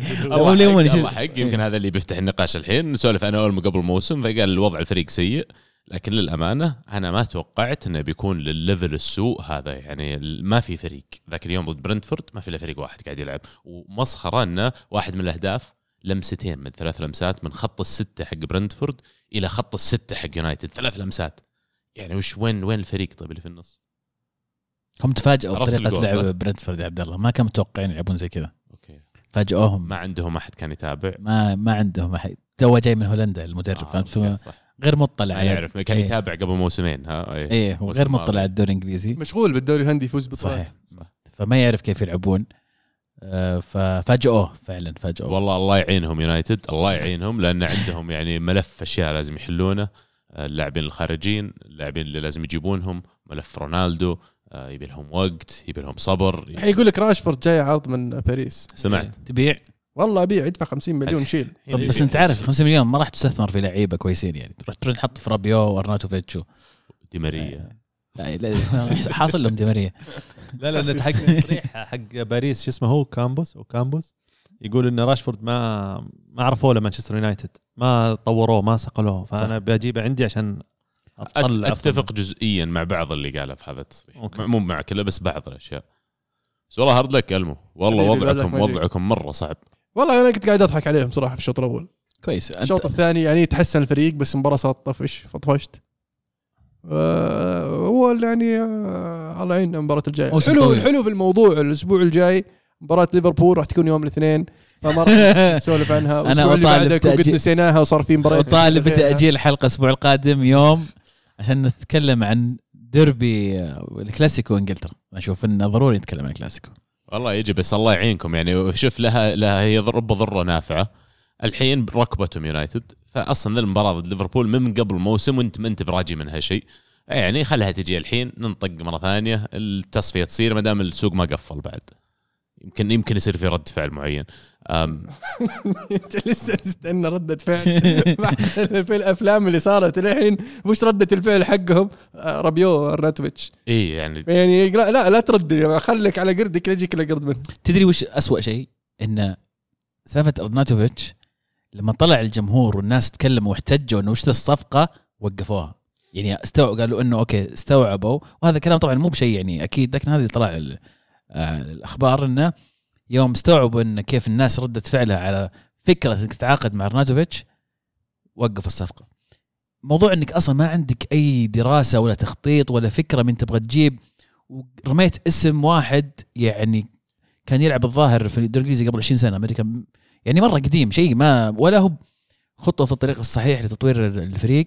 ولا يوم احتجوا للناس الجمهور قلت آه آه OK صح معلش ما بخبط لزق هي عرفت؟ يعني واضح إنه ما في أي planning ما في أي خطة الوضع خذني جيتك. ما في نوع لاعب معين وش النوع اللي نبغاه وش النوع اللي يناسبنا العمر, العمر، ال- إيه. اللي يناسب الخطة على على المدى الطويل. لا لا خبط لزق ورقة. طبعا قالها رالف راجنك الموسم اللي راح أن مانشستر يونايتد يحتاج عملية القلب مفتوح وسالفة الترقيع هذه اللي قاعدين تمشون عليها صار لكم كم سنة ما تصلح طبعا لما قال لهم. الكلام إي لما قال لهم الكلام اللي هم ما يبغون يسمعونه والكلام الواقعي اللي كل قاعد يقوله حتى اللي يتابع وما له دخل في الكورة يقول هذول الناس يحتاجوا يحتاج لهم شغل كثير آه، فجابوا الخبير هذا علمهم وش وش اللي المفروض يصير ما حبوا الكلام قالوا قال أنت مشوه. ما تفهم إيه. مشوه طبعا اللي اللي اللي أثبت لي إن جون مورتو ما يدري وش السالفة وضايع هو يعني غايص في المعمعة وواحد يعني بان عليه إنه جاي في منصب يعني مو هو في مستواه ولا هو في حد معرفته ولا هو يعني آه، يقدر يديره. لما جاك ريتشارد أرنولد قال اسمعوا خلينا نسوي كذا wisdom tank نجيب فيه سير أليكس و آه، شو اسمه ديفيد جيل. طبعا سير أليكس كلنا نعرف سير أليكس. ديفيد جيل هو كان آه، آه، شو اسمه رئيس تنفيذي للنادي في فترة سير أليكس. قال خلينا نجيبهم مع جون مورتا يعلمونه أو يعني يفكرون وشلون ممكن يديرون ويظبطون الأمور. فيعني ما دام إنك عارف إن السبيكه مو بداير أمها يا أخي مشى وجيب لي واحد واحد فاهم واحد عارف عارف شلون يسوي فريق زي- كان عندك يا أخي آه، راجنك وجود راجنك كان بإمكانك تخليه مستشار وتروح تجيب آه، آه، بول ميتشل تمسك director football يدير لك السالفة اللي ينشئ لك الأساسات. مانشستر يونايتد يحتاج استثمار في البنية التحتية الملعب يبي له يبي له آه، تجديد يبي له صيانة مصدي الملعب صح سمعت. المعلومة هذه تفاجأت منها إن الملعب فعلا فعلا فعلا. حرفيا بدأ يتكسر مسحوب على الملعب بعدين الملعب كان فيه. من أعظم الملاعب آخر مرة استثمر في الملعب في عام 2005 2005 لما صار التيك أوفر مو بهم اللي سووه الملاك الجدد لأن كانوا شغالين عليه قبل ما يصير ال- ال- التيك أوفر أو الاستحواذ. إيه. فمن هذاك الحين حتى الآن ما صار في أي تجديد في ال- ال- الملعب. ال- آه، شو اسمه مقر التدريبات. رونالدو رونالدو يقول رجع يقول استغرب من رونالدو إنه ما في شيء تغير نفس المكان على حطة يدي. لما رحت أنا قبل 12 سنة الحين نفس نفس المكان ما تغير. ما في تجديد ما في تغيير ما في تطور. نفس الشيء. ف آه، يونايتد وراه شغل كثير. والملاك طبعا بدل ما يستثمرون في النادي قاعدين ياخذون يأخذون فلوس النادي يحطون يحطون لهم شوي كذا بجت حقت إنه يلا اشتري لعيبة اللي تبونهم.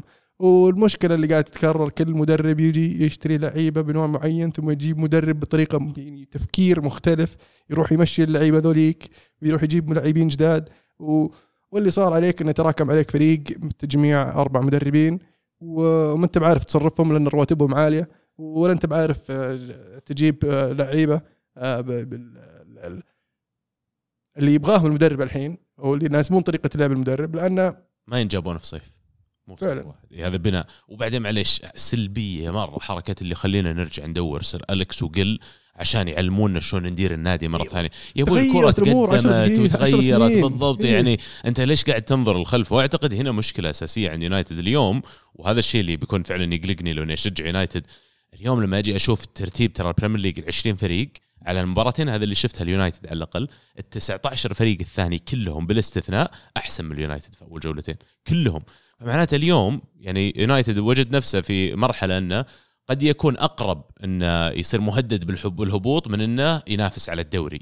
فهمت؟ يعني الفرق في ال quality ما بينه وبين المنافسين صار عالي جدا. مو بس كذا صارت تجيك فرق مرتبة زي برنتفورد قاعدين يطبقون الكلام اللي قاعد تقوله تو لكن بطريقة أبسط شوي بإمكانيات أقل. وشوف النتائج اللي قاعد تجيهم. شوف فريقهم مرتب فريقهم يعني لما تيجي تنزل you're playing ضد فريق يعني آه، مصفوف. فيونايتد اليوم أنا أشوف يبغى له فعلا عملية يمكن أكثر من قلب مفتوح يبغى له جسد جديد. قاعدين يتكلمون عن الملاك وحلها. رونالدو كمية ال ال- الطاقة السلبية اللي قاعد يبثها في النادي واللاعبين ورد فعله وكذا يعني ما أتصورها وما تخيلتها من لاعب زي رونالدو اللي المفروض إنه professional أذكركم بزلاتان في ميلان وش الأثر اللي قاعد يجيبه الفريق سواء لعب ولا ما لعب. وبعدين تجي تشوف رونالدو إيش قاعد يسوي في يونايتد. يعني مو. ما حد قاعد يساعد الثاني في الفريق. وهذا اللي يرجع لسالفة راشفورد قبل شوي تقول يا أبو داحم. راشفورد أنا أعتقد لاعب كان عنده potential عالي جدا لكن تلائم ظهوره مع فترة غريبة جدا لليونايتد. ما كانت يعني آه، خلينا نقول بيئة مناسبة للاعب إنه فعلا يتطور ويثبت مركزه ويعني يتحسن. فقد يكون زي ما قلت يا المو الحين أي عرض يجيني على اي لاعب تعال شيل. بالضبط. آه، رونالدو سالفة رونالدو يقولون آه، في ال- في الكافيتيريا في النادي كثير من الأحيان يأكل لحاله ما يقعد حتى مع المجموعة. كذا قاعد في طاولة لحاله الرجال منفس وقاعد يلعب لأنه يعني موجود وهو يبغى يطلع. وفعلا التأثير السلبي حقه أكثر مما هو إيجابي على الفريق. بس طبعا عشان تعرف قديش الملاك هذولي والإدارة النادي تهتم بالنادي والفريق كرة القدم وتحقيق الإنجازات ما يبغون يمشونه لأنه هو اللي بيجيب لهم فلوس. هو ال- ال poster boy اللي يحطون صورته في الوجه تعال اشتر تيشيرت تيشيرت رونالدو سبعة. ف يعني فرق بين نسبة وتناسب اوباميانج إيش سوى الشتوية الماضية ما سوى ترى زي ال- الكمية السلبية هذه بس خرق كم من قانون. شوف إيش سوى مدرب أرتيتا وقف قال you know what ما نبي top four عادي لو ما أجيب ال top four مع إنه محتاج striker ما عندي مهاجم أصلا. ومشاه فجأة في نص الموسم بس في. المقابل إي في المق... ألغى عقده. الرجال مرة ثانية عيال شوفوا All or Nothing حق ارسنال ما أدري وأنا أشجع الفريق. جاز لي بس إنه بالعودة لهذا الموضوع لازم مرات قرارات صارمة عشان الفائدة طويلة الأمد للنادي. واليوم بعد ست شهور ولا سنة شوف مثلا أرسنال وين وشوف يونايتد وين. اذكر كلمه قبل أربع وخمس سنين ترى متقاربين جدا كنا وبعد fact يونايتد كان ال trajectory حقهم ولا توجههم إيجابي أكثر من اللي كان يتوجه فيه ارسنال لكن ترى كلها فترة سنتين ثلاث سنين تشد الحزام سياسة جديدة ما أتعاقد مع ولا لاعب فوق 25 سنة أسوي لي فريق شاب أجيب لي مدرب قاعدة أعطيه الحرية إنه يسوي هالقرارات. يحط culture يحط ثقافة في النادي اللي هو النادي فوق الفرد دائما المجموعة فوق الفرد. آه، هذا اللي يعني يحتاجه اليونايتد. شلون تبغى المدرب يخلق ال- ال- الشيء هذا؟ الصلاحية. وهم هم فارضين عليه رونالدو ولدرجه إنه يروح يقول لا أنا أبغى رونالدو ورونالدو جزء من الفريق. وكلنا عارفين إن رونالدو أصلا ما يناسب طريقة لعب تنهاج ولا تنهاج يبغى رونالدو. يعني ما ما يحتاج تقول لي الكلام هذا عشان أصدقك ولا أكذبك. آه، فاحيانا تكون آه، الأمور أوضح من آه، من ما يعني يحاولون إنهم يشوشون عليك. الزبدة آه، موسم اليونايتد هذا يعني قد يكون أشبه بموسم أرسنال قبل موسمين لما انتهى في المركز الثامن. وهذا يبدو لي التوجه لكن ما أتوقع حتى الثامن يعني آه، سهل حاليا لكن يعتمد على وش يسوي ال ال ال النادي من الآن إلى نهاية سوق الانتقالات. هل بيمشي اللي يستحقون يمشون؟ هل بيقدر آه، يجيب اللي- العناصر اللي يحتاجها الفريق أو لا؟ حلو. دوري إيطالي؟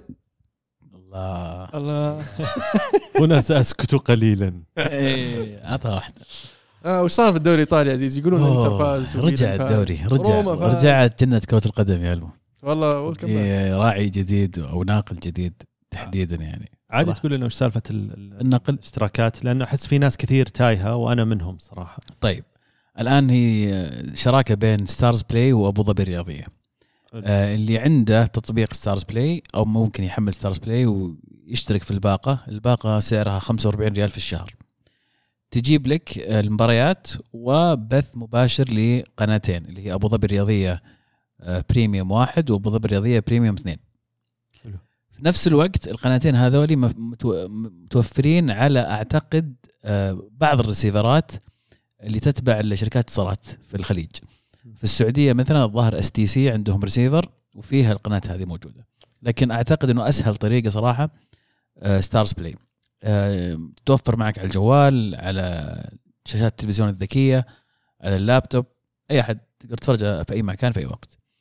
آه، والحلو إن المباريات تقعد موجودة فممكن أشوف مباراة كاملة معادة. آه وقت مختلف. أي. بس فهذه كانت كان أول أسبوع. يعني ال- ال- النقل جيد الاستوديو كويس أه، في معلق عربي معلق إنجليزي. يعني بداية جيدة أعتقد. معلقين عربيين بعد. ما أدري أنا والله ما ادري إلا عربي وإنجليزي. اي في المباراة اللي أمس حقت ع- آه، من اللي معلق عليها عامر عبد الله أتوقع. ميلان. آه، أنا أول مرة شغلتها طلع واحد يصارخ حولت إنجليزي على طول. أتوقع إنه فمكتوب إنه الستارز بلاي كان مدري. آه، معلق اسمه. بعدين أوكي. أبو ظبي آه، بريميوم مدري إيش واسم معلق. فاثنين. ويعني هنا اللي يجي تتسع الفوهة ما بين الدوري ولما نيجي نتكلم مثلا قبل شوي Premier League والحين دوري إيطالي محزن الصراحة اللي يصير الدوري الايطالي لأنه أختلف مع اللي قاعد تقوله تونا شيء إيجابي. ال Premier League عقود ال- النقل التلفزيوني إيجابي بس. من اي ناحيه إيجابي. إنه إيجابي على الدوري الإيطالي يعني إنه قاعدين يلقون هالحلول يعني. لا لأنه كان ضايع الدوري. أنا ايجابي على ال- الوضع اللي قبل إن كان الدوري ما حد بس ماخذ إلى الحين ترى هذا اللي بقول لك إياه. الحين اللي صار ترى عبد الله معليش بس اللي صار ترى بي إن قدموا لدوري إيطالي وصار شيء تلاعب ما أدري وشو ودوها لأبو ظبي. مع إن أبو ظبي دافع أقل من بي إن. هذا الغريب إنه أقل بكثير. يعني الفرق في ال في ال في العرض حق بي إن أضعاف عرض أبو ظبي. ليش راح لأبو ظبي في الأخير؟ ما أدري. والله شوف أنا ما أدري بس أعتقد إن حق ال Premier League الحين مثلا بالنسبة وتناسب مع الدوري الإيطالي تتكلم عن ثمان أضعاف أو عشر أضعاف قيمة النقل التلفزيوني. فلما تجي نفس الأندية هذه قاعد تلعب ضد بعض في ال Champions League بدأ يصير ترى فوهة المنافسة أكيد. إلى شكل غير عادل إلى إلى درجة إني بقول اليوم ال top 8 يمكن ولا ال top 10 في ال Premier League. لو يروحون واحد من الدوريات الثانية إيطالي ولا إسباني ولا حتى الألماني بينافسون top four مو بس بينافسون بس الأندية قوية في ال top four مرة ثانية برنتفورد المركز العاشر مدري مركز 12 فريقهم قوي فريقهم مرة قوي. فالدوري الإيطالي ما أدري إيش يعني إيش بيسوون على أساس يحلون هذا المشكلة. والدوري الإسباني قاعدين يدخلون في نفس الدوامة الحين اشعر آه، بس المشاكل المالية من تراكمات موضوع كوفيد بدأت الآن تظهر مرة ثانية أنا أشوف. يعني أتفق معك وأختلف معك في بعض النواحي. الفوهة كبيرة جدا فرق كبير بين ال- ال- الدوري الإنجليزي أصلا بالطريقة اللي يتم تسويقها و... الدوري الإنجليزي أنا ك- كشخص محايد إني ما اتابع ما أشجع ولا فريق في الدوري الإنجليزي. أكثر دوري أستمتع أتابعه الدوري الإنجليزي. شو؟ هو شو؟ إيه هو بالنسبة لي شو. وهذا شغل ما ما صار في يوم وليلة. يعني الموضوع له سنوات من من البناء والتطوير و, و commercializing. يعني مخلين ال- ال- المنتج هذا منتج يتم تسويقه بطريقة جميلة جدا. أضف حتى ال fantasy ترى يعتبر جزء من من هذا التسويق. جاك بسم الله عليك. جاك. تكهرب أول ما جيت كهرباء في السماعة إيش سويت كهربائي. إي والله. عجبتني. فحتى ال fantasy ترى جزء كبير من تسويق هذا هذا الدوري. كثير ناس نعرفهم ما ي... ما لهم في الكورة ولا يتابعون بدوا يلعبون الفانتسي. الآن لأنها صارت شيء من من المجتمع وأخوياك يلعبون فكل يلعب. فهي الفرق كبير جدا. لكن من ناحية جودة كرة قدم ما أعتقد بنفس الفرق اللي نشوفه من ناحية قيمه قيمة تسويقية. أعتقد إنه صح الفرق يمكن في كثير من الفرق الإنجليزية عندها المال إنها تجيب لعيبة كويسين لكن مو بدرجة كبيرة تشوف الفرق. تحديدا في إسبانيا، إسبانيا ترى الأندية الإسبانية دائما موجودة، دائما تنافس ودائما تفوز سواء على مستوى ال Champions League على مستوى ال Europa League وبتشوفونها أيضا على مستوى شو اسمه البطولة حقت ال Conference League. فهنا بس هذه هذا اللي قاعد أقول لك إسبانيا وإيطاليا مثلا هي خمسة وست أندية اللي أقدر أعتبر إن ال quality حق كرة القدم عندها كويس. ال Premier League مرة ثانية ترى 18 نادي 20 نادي كلهم يلعبون كورة كله أقل نادي اللي توه مثلا صاعد قاعد يوقع لاعبين على 30 و40 مليون لا لا في فرق بين التوقيع مع لاعب ويلعبون كورة. في فرق. توقيع مع لاعب اي لأنه ينكب عليهم فلوس أقدر أوقع مع اللي أبي. مين من أندية ال Premier League اليوم تشعر لو موجود في أي من هذول بيهبط؟ أنا أعتقد حتى اللي ينتهي في المركز العشرين اللي في الغالب. ولا- إلا يونايتد أوكي إلا يونايتد صراحة يعني بس انه فعليا فهمت قصدي إنه لما أجي أشوف في ثلاث أندية من اللي يلعبون الآن في ال Premier League بيهبطون السنة هذه بنهاية الموسم طبيعي الثلاثة هذول لو أحطهم في أي دوري ثاني أنا ما أعتقد يهبطون لو نجيبها بالطريقة المقابلة كمان يعني خارج الخمسة أو ستة الأندية الكبيرة نوتنغهام. فورست ما تحس إنه ممكن يهبط مثلا في والله ما أعتقد أكيد ممكن أكيد ممكن إيه. بس إنه ما أعتقد بيكون مرشح للهبوط هذا قصدي ال quality بدأ يصير إلى مرحلة عالية جدا يعني. وبدت زي ما إن ال Premier League قاعد يدعس ال Championship إلى حد ما ترى catching طبعا طبعا في إيه، ورا بعض إيه. ال- النادي لازم يكون جاهز لما يطلع من ال Championship لل Premier League إنه يقدر يسوي step هذا. فالأثر على ال- ال- البيئة الكلية حقت كرة القدم وال ecosystem في England آه، خرافي الصراحة اللي قاعد وقاعد يزيد ترى مو هذا هذا المخيف إنه ما زال قاعد يرتفع. ف قيمة النقل قاعدة تزيد المبالغ اللي تصرف للأندية قاعد تزيد قاعد تقوي الأندية الإنجليزية قريبا بنشوف ترى ال- الأندية الإنجليزية ممكن تبعد تماما عن عن بقية ال- ال- يعني. ويجوك السبايك بيروحون للسوبر ليج يعني أنا أفهم لما يوفي مدريد برشلونة. بايرن آه إنتر ميلان حتى بر- إيه، برشلونة، اللي. عندهم مشاكل هذول يبغون يطلعون لأنه غ- يعني قد يكون طموحهم أكبر من الايكو سيستم حقهم لكن الأندية الإنجليزية اللي طلعت السته الصراحه أنا ما ما أتفهم يعني أسحبها لو سمحت الكلمة؟ اللي قلتها. مدريد؟ سبايك. آه. سبايك الإنجليز. آه، إيه، أوكي. سبايك الإنجليز لأن الإنجليز فعلا أنت عندك تشوش عبد الرحمن عندك متكهرب اصبر؟ متكهرب مع إيه. الوزنيه لا أنا ودي أسألك سؤال أبو عابد. دامنا قاعدين نتكلم عن الدوريات واختلاف مستوياتهم. لما قلت آه، ال- الف- ال- الفرق غير الستة الأولى أو الخمسة اللي في الدوري الإنجليزي تلعب كورة. لا اللي في الدوري الإسباني. ال- تلعب كورة. لا تلعب كورة كويس آه، قصدك اللي في. الدوري إيه، الإنجليزي. أوكي. وش وش تعريفك تلعب كورة؟ قلت لك إنه لما أجي أشيله أنا في هو مركز مثلا السادس أو الثامن في ال Premier League. لا شلته حطيته في إسبانيا أو إيطاليا. أنا يعني شبه متأكد إن مركزه راح يصير أفضل من اللي هو عليه. طيب لو أخذنا مثلا إشبيليا. هذا و- من الخمسة أو ستة اللي آه في هذا إسبانيا. إشبيليا من الخمسة. أنا أقول طيب. لك في إسبانيا وايطاليا عندك خمسة وست أندية فيريال من الستة. كويس. عندك في إسبانيا مدريد برشلونة أتلتيكو فياريال آه، إشبيليا ويمكن ما ادري اذا بتدخل معهم فالنسيا مع إنه ما أحس يعني. Okay. لو أخذنا مثلا أتلتيكو بالباو خلينا نقول. Okay. وديناه الدوري الإنجليزي. هل بيقروش ال ال ال نفس القروشة اللي يسويها ويست هام ولا إنه بيوصل إنه يشارك في ال Europa League وي وينافس ولا تحس لا؟ أنا ما أعتقد بيوصل Europa League عن طريق ال Premier League لكن أنت مثالك أخذت بلباو طب خذ آه، آه، أمثلة زي آه، جيرونا زي الأندية اللي خلينا نقول المركز 15 16 هذه أنا أعتقد ما تطلع من ال Championship أصلا. لا أنا؟ عكست أنا عكست لأن كنت جبت مثال على شو اسمه لا إله إلا الله الفرق اللي آه ناخذها من الدوري الإنجليزي ونوديها الدوري الإسباني اللي ممكن ما تهبط أو تهبط. لأن يعني أنا أحس نورويتش سيتي على بورنموث على نوتنغهام فورست. أي أنا أقول لك يعني مثلا حتى جيرونا ترى تو صاعد كان هابط. آه وش بعد في في فرق كثيرة يعني أحس انه في بيكون استثناءات أي يعني دائما يعني- في استثناءات أي. بس أنا أتكلم ككل اليوم مرة ثانية لما أجي أشوف أنا الجدول ما في مباراة سهلة. ليدز مرشح على الهبوط ليدز فريق ترى مرتب يعني يلعبون كرة كويس. آه، برنتفورد تو صاعدين قبل موسمين. آه، بورنموث اللي تكلم عنهم شوفهم بيتعبون أندية كثير الموسم هذا. فولم نوتنغهام فورست هذا هذا الثلاثة هذا هم صاعدين. هذول الثلاثة لو يروحون أي من الدوريات الثانية ما يهبطون نهاية الموسم أتحداك. مع أن الموسم هذا هم من ضمن الفرق المرشحة إنها تهبط في ال Premier League أيوه جالدين ليفربول فهمت؟ فولم يعني آه، زحف توك جاي إنت إيش قاعد تسوي؟ فهمت؟ يعني هو هو إيه، الفلوس- style حق الفلوس- الدوري. الفلوس قاعد تعطيهم هو- عشان ما تجي سالفة كثير. على الدوري الإيطالي بس إيه. إن الله يعينكم على موضوع النقل التلفزيوني لأن هذه لها أثر طويل المدى لأن اللي ما عنده فلوس طبعا. ما يقدر يستثمر في النادي ما يقدر يبني البنية التحتية ما يقدر يطور ملاعبه منشآته الأجهزة التدريبية لها تبعات كبيرة عرفت؟ هذا هي. وال- وال- وعشان كذا الظاهر they're pushing بشكل كبير على ال Super League وأي شيء ممكن يجيب فلوس. بس هذه الأندية الثلاثة أو أربعة اللي بيرتبون طب الباقي. دورنتس داخل في السالفة حق نابولي يقول دخلونا معكم. تستاهل طبعا بيبغى أصلا. أصلا مقترحه مختلف. هو يقول المفروض انه خلاص ثابتين ست أندية من, من طبعا هو قال ستة عشان يشمل موضوع نابولي. ست أندية كل سنة يشاركون في البطولة ذي. خالصين منها. كذا. مو لا تخليها أنت يعني Super League. لا خلها. خلها على ال top five leagues الدوريات الخمسة الكبرى. لا تجيب لي ناس من برا من كل دوري ياخذ لك ستة وقضينا. حقين الجماهيرية. إيه. تبي تدخل فلوس. المشكلة إن في إيطاليا حتى الحكومة تعمل ضد المبدأ هذا. فمثلا أنا أعرف إن ميلان وإنتر مثلا من زمان يبون يطورون ملاعبهم بس الظاهر مانعينهم بلدية ميلان.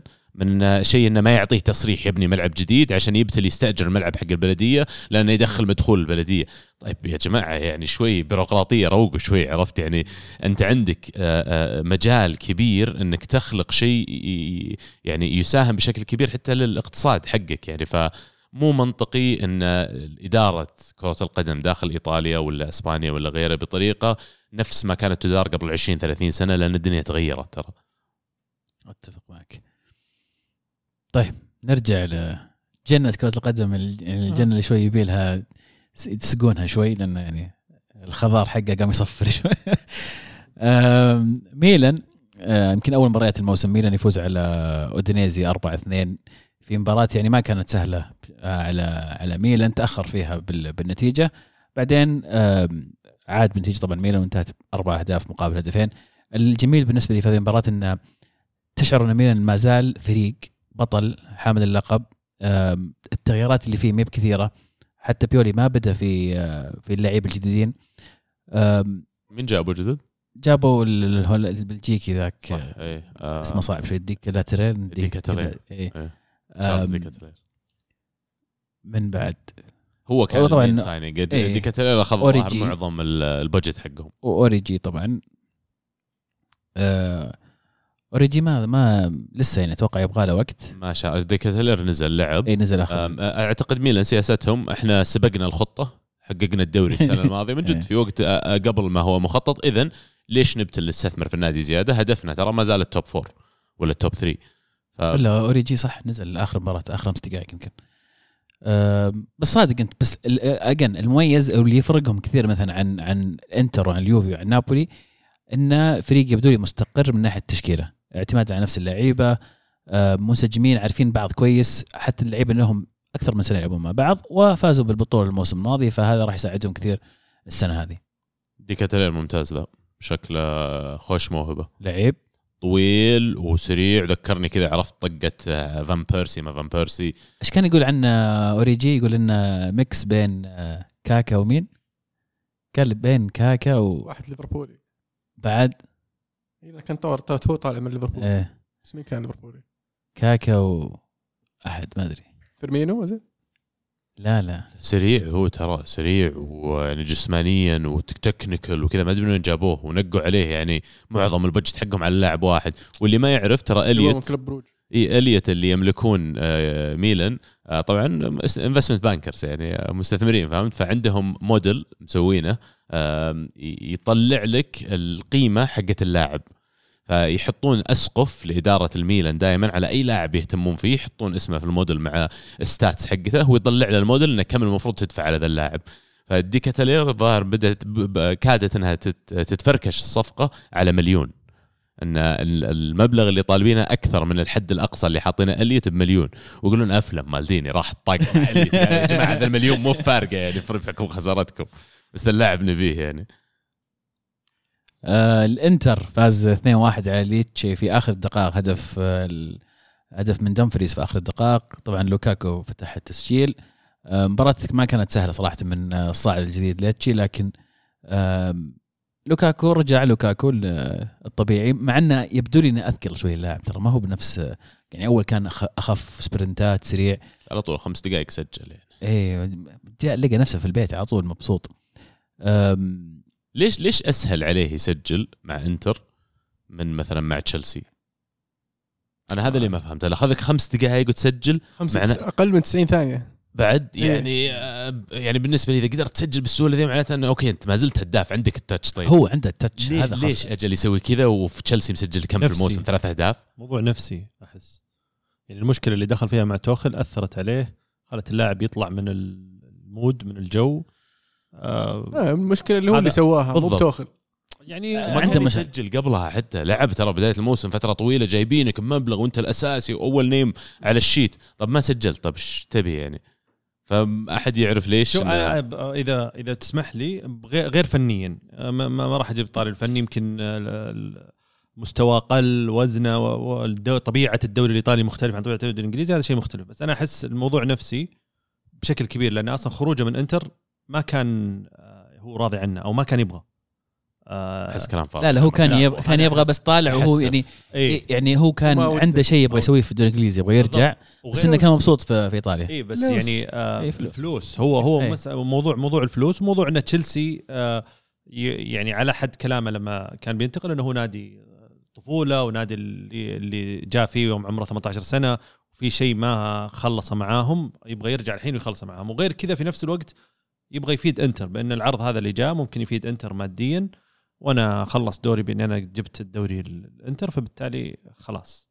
لكن فعليا الواقع اللي تحس إن الرجال متعلق مرة في انتر يعني. بس آه، يعني ذكرها أحد الصحفيين البلجيكيين يقول إن لوكاكو من نوع اللعيبة اللي لازم توريه إنك تحبه وتقدره وان إن آه، لازم تعيش الجو إنك ترى أنت المرخى انت واحد ترى يعني زي ذاك أنا- حق والله السيتي أحبك يا توريه يخمه ويعطيه التقدير تجيب اللي لك كيكة في عيد ميلاده؟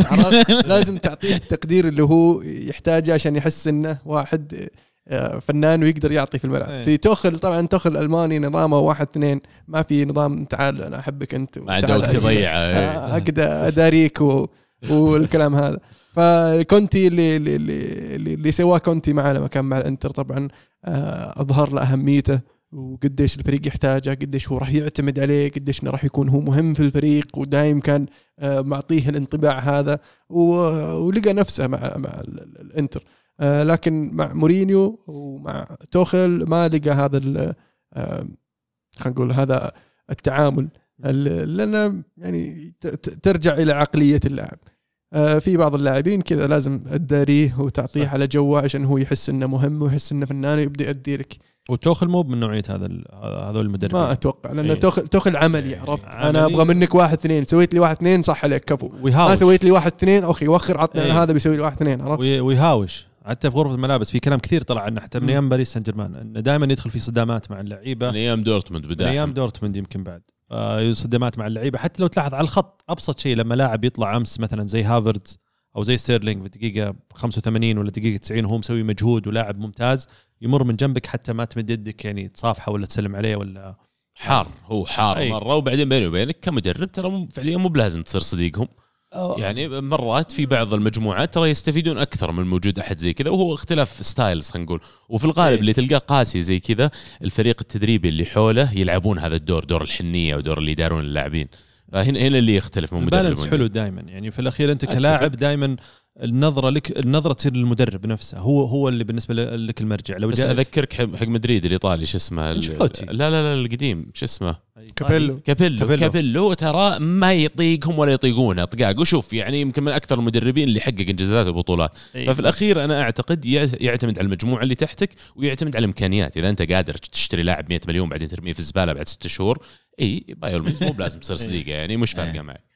والكرة تتغير صراحة. يعني أحس الكرة ب 2006 يمكن أو حتى لوقت كابيلو كانت شوي أصعب. يعني لما يجي مدرب ع- في احترام للمدرب أكبر. الحين أحس ال- الكرة تغيرت شوي. صار جاب في الشامبيونز ليج وده. مين؟ هو. كابيلو؟ آه، شو يسمونه؟ توخل. ش- توخل.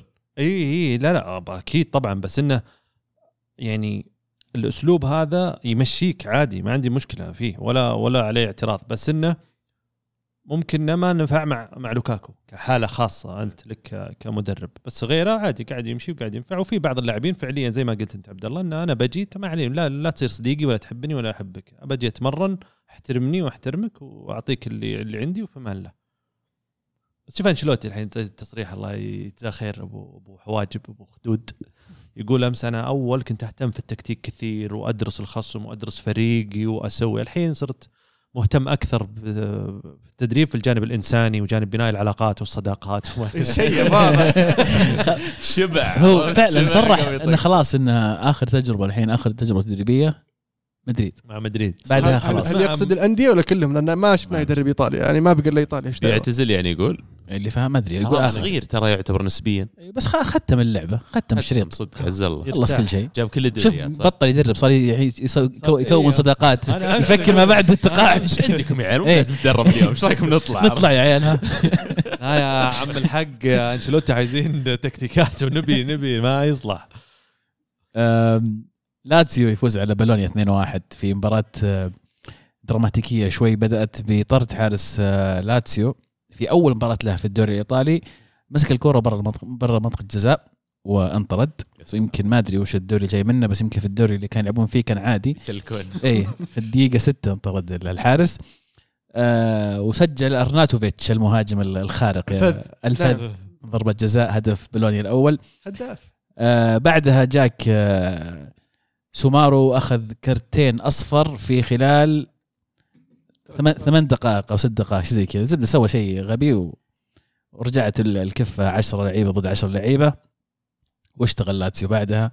سجل هدفين. الهدف الثاني كان طبعا من إيموبيلي الهداف إيموبيلي.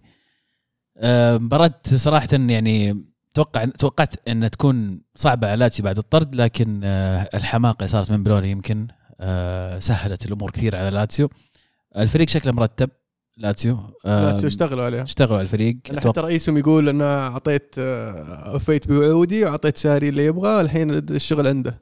ف... الدور على ساري الحين. إيه، فأتوقع ان راح لاتسيو راح يكون آه، في أفضل حال من الموسم الماضي. يعني قد يكون بمرحلتين مو أنت تتوقع ولا هو يتوقع؟ أنا أتوقع. أنت تتوقع.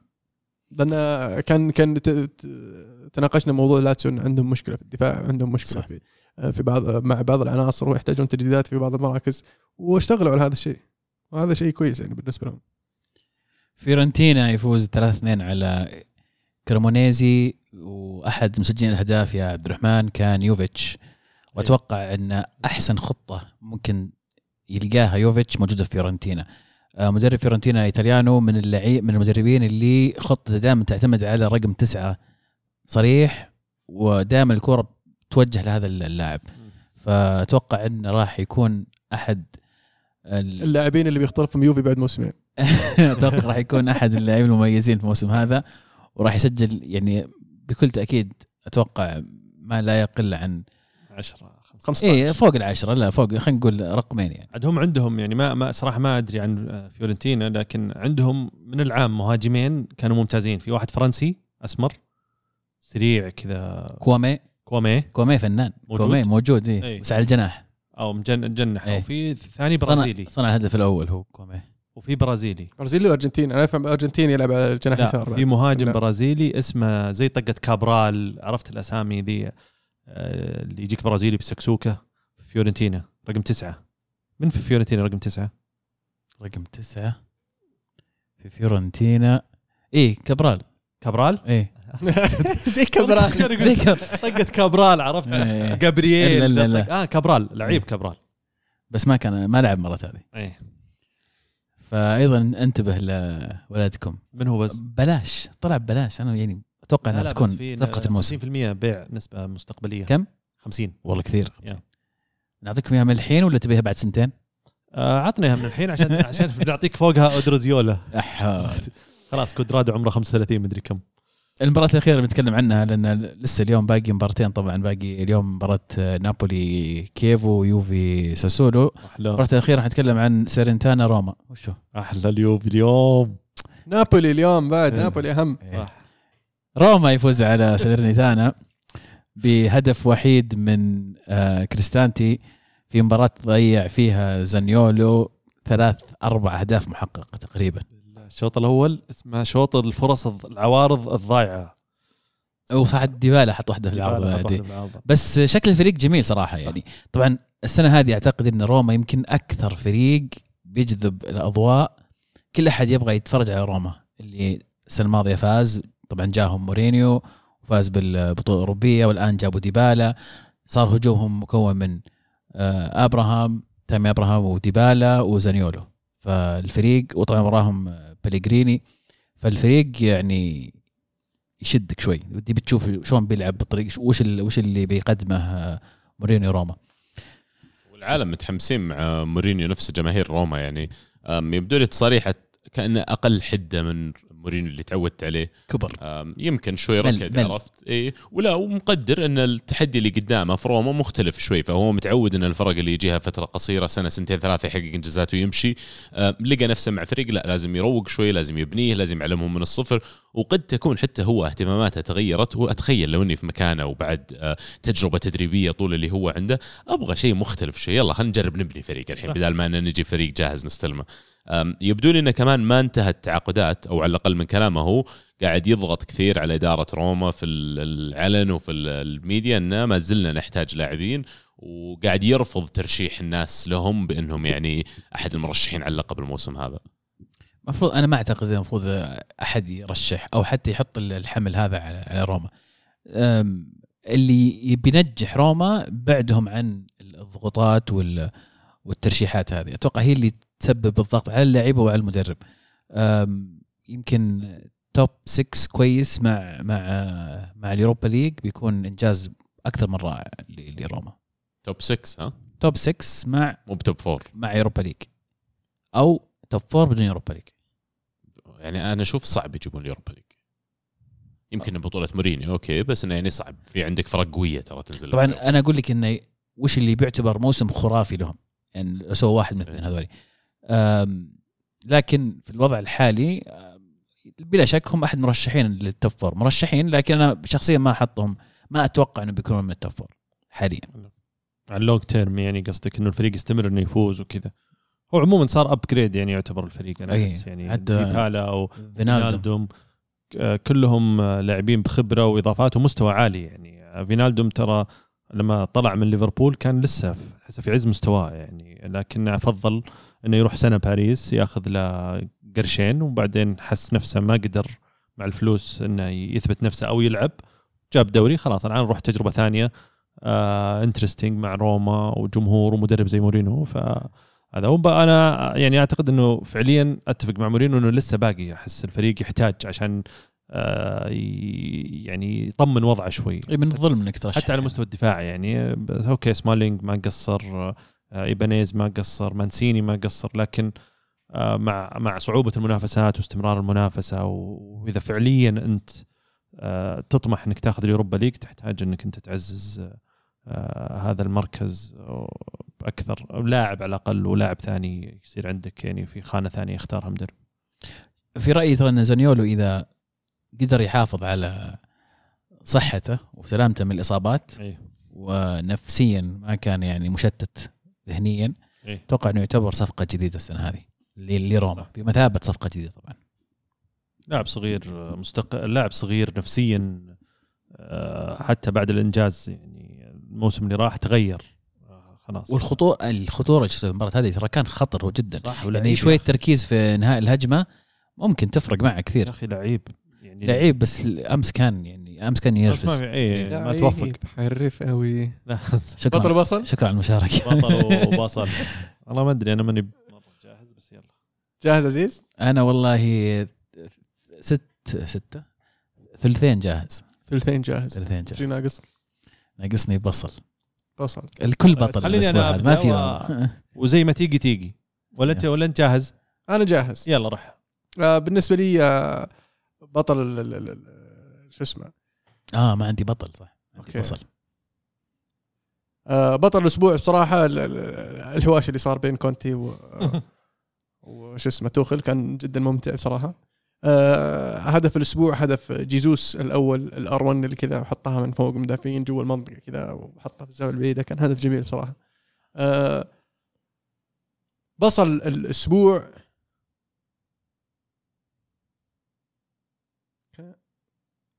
هو في غير اللي خسر شوط واحد 4 0 لا لا ذول يستاهلون. هذيك يعطيهم يعني. حتى بصلة ما يستاهلون. إيه. لو عندك شيء يعني أسوأ من البصلة نعطيهم إياه. أم، وأنا نسيت البصلة حقتي. طيب نرجع لك إيش رأيك؟ ما عندي مشكلة. عبد الله شكلك جاهز. من عادات البصل؟ البطل؟ الهواش كونتي و... okay. عجبك ها؟ إيه، استمتعت فيه صراحة ضحكوني أنا عندي البطل الصراحة ارسنال وبالتحديد جابرييل جيسوس اللي كان يعني له علاقة بأربع أهداف من اللي دخلها سجل هدفين و assist هدفين وكان يمديه بعد يسجل ال hat-trick وال super hat-trick بس إنه يعني إضافة رائعة للفريق. وكمان ال- الارسنال وأرتيتا اللي أذكركم الموسم الماضي أول ثلاث مباريات انتهت كلها بهزايم. الموسم هذا اختلفت الأمور وحتى جمهور ارسنال اللي بنهاية مباراة ليستر يغنون اسم آم، آه، إيش يسمونه هو تيليمانز ويقولون إن تيليمانز ما أدري إيش راح تلعب في أرسنال آه، شوف. ضحكني حتى يعني عرفت ال- ال- الطاقة الإيجابية اللي موجودة في الملعب وفي النادي فيعني هذه يستاهلون بطل الأسبوع. بصل الأسبوع آه، امبابي والحركة اللي سواها آه، في واحدة من هجمات باريس المرتدة لما آه، اللاعب الجديد فيتينيو أعتقد اسمه وهو معاه الكرة وهم مرتدين. بدل ما يروح يسار ويعطي الكرة امبابي راح يمين اعطاها ميسي. قام امبابي وقف يركض ترك الهجمة عطى الملعب ظهره وقام يسفل يعني يا أبوي يروق تراك يعني آه، ما جتك الكوره سوى ال run عادي هذه كرة القدم فيستاهل. آه، أما هدف الأسبوع إذا أنت بتختار الهدف اللي قلت لي عليه المو أنا بختار هدف تشيلسي؟ آه، كوليبالي volley corner ولا أروع يعني وما كأنه قلب دفاع وهو قاعد يسددها. volley جميل. جهزت عزيز ولا أروح أنا؟ آه راح خلينا نشوف يلا. لا لا روح أنت. واضح إنك ما جهزت طيب كل طيب. واحد يقول واحد يلا. بطل بطل الأسبوع بالنسبة لي صراحة يعني ما لقيت أفضل من دي بروين على الأداء الرائع في مباراتهم أمام آه، بورنموث بصل الأسبوع آه، رادو حارس آه، كريمونيزي. تخبرون رادو اللي, إيه، اللي اللي افلم في الإنتر؟ في الإنتر؟ إيه. افلم في مباراة كريمونيزي مع فيورنتينا كان 2 2 حارس. إيه. حارس. جت رفعة. تعرف الرفعة اللي رايحة للباب؟ مسكها ودخل مع الكره الباب. دخل هو. اي هو إياه. لو خليته فإيه. طيب أحسن. ف- يعني ما أدري يعني. المهم مسكين يعني والله رحمته. ذكريات ذاك حارس ليفربول اللي جاب العيد. كاريوس. كاريوس. اللي خلاص حارس ما يرتبط اسمه إلا بمصايب. ويشتري للاسباب الغلط. هدف الأسبوع هدف آه، هدف تورينو. شفتوا هدف تورينو الثاني؟ سنابريا لاعب باراغواياني. الكرة جت عرضية قدام الباب لكنها فوق. فبدل ما يروح لها بالراس لانها بعيدة نط وأعطاها مقص. قرباه إيه عند الباب باب فاضي بس إنه فوق الكرة فلاعب فنان. جميل هدف والله. أنا قاعد أشوفه في مخي صراحة صدقني أحلى من اللي عرفت. فوق تفضل ورطتك لا لا عادي. آه أنا بالنسبة لي طيب بطل الأسبوع بقول برنتفورد I'm sorry ألمو بس آه ليش؟ فريق آه، ما يا sorry don't be حبيبي. آه، فريق محترم. آه، يعني ثابت خلينا نقول على على المستوى والطريقة والأسلوب اللي مؤمن فيها الفريق والمدرب آه، من الموسم الماضي. آه، كرة جميلة كرة حلوة آه، خرج إريكسون اللي كان يشكل يعني جزء مهم من الفريق ومع ذلك الفريق ما أحسه تأثر كثير لا بالعكس طلع لنا موهبة أحسها يعني جديدة إنجليزي الموسم هذا زي شو اسمه سيلفا. ف شكرا برنتفورد بصل الأسبوع آه بقول آه، شو اسمهم؟ الفريق شو اسمه؟ وست هام هم؟ شو اسمه اللي يدرب ديفيد مويس؟ وست أيوة. هام. وست هام. آه ثاني خسارة على التوالي. آه مع في مباريات ما أعتقد إنها مباريات صعبة كثير. يعني مباراة الاولى السيتي كانت. آه، أو صح قصدي المباراة الثانية. آه، sorry. آه، الثانية آه، آه، نوتنغهام. آه، الأداء نفسه آه، يعني ما كان أداء مو مرضي مع العلم إنه يعني في صفقات كثيرة صارت الفريق بطلبات من ديفيد مويس ولكن زي ما إحنا كنا متوقعين آه، منهم كثير ولسه تونا بدري لكن قياسا على الأداء خلينا نقول أول مباراتين ما كان مرة ذا. في دييغو كارلوس معهم صح؟ لا مع أستون فيلا. آه، ما استنبه بس جاه جاء إصابة احتمال أي. لنهاية الموسم مسكين. مسكين. آه والهدف الأسبوع بالنسبة لي طبعا هدف آه ديفيد ألابا الفاول آه ريال مدريد آه يعني ال- الحلاوة في إنه نزل. يشوت الفاول. نزل؟ يسجل هدف الفوز. بالضبط. وأول لمسة. هو نازل. وما كان بيشوت أصلا. ولابس آه، أبيض. لابس لا لابس آه، بنفسجي امس آه، بس- ما شفت مباراه والله في أهداف كثيرة. في اهداف في أهداف كثيرة. بس يعني حلو لأنه فاول وفي العارضه ومن زمان ما جاب ريال مدريد هدف فاول بس هدف كوليبالي حلو. صح. آه، كمدافع الطاير ويا شوف شوف هدف سنابريا كوليبالي. صدقني صدقني حق تورينو والله. والله كوليبالي دافن نفسه في نابولي كان السنوات اللي راحت I'm sorry لا هذه هذه لازم تعتذر لا، لا، هذه لا، ارفع حرام ارفع لا لومه بس اللاعب كل احد يعرف إنه فنان. بس أمس يعني يعني وأثبت لي انه يعني وتو يثبت لك أمس؟ واضح انك لا ما لا, كنت لا تتابع. أثبت لي إنه كان مفقود في آه في دوري الدوري الإيطالي. انجليزي تشوفه كل مفقود في الدوري الإيطالي. لا لا في الدوري الانجليزي فريق كذا sorry يعني فريق منافس. آه نابولي كان منافس ترى. لا يا رجل. لا يا رجل. يا شلون ما- حاول تبون- بغى يفوز تبون- كم مره اسقاطات والله. اسقاطات. تبون نجامل ولا تبونه واقعي؟ أنا بالصدق. صدق. نابولي فريق آه، حليل آه، ينافس. يعني عرفت اللي يداقش. بس يعني كلنا عارفين في الأخير إنه ما كان بياخذ الدوري.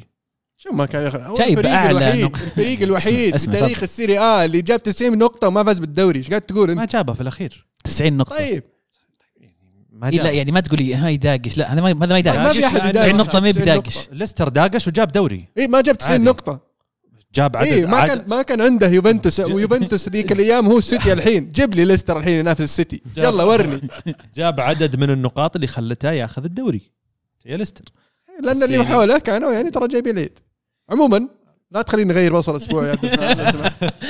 يوم لقيت الحين تخليني نغيره. طيب السؤال الحين معلش على الموضوع هذا. كثير يقولون انه أصلا كوليبالي أفضل من روديجر. يعني تشيلسي سوى upgrade upgrade طبعا. صحيح أنا طبعاً. أتفق معهم أكيد.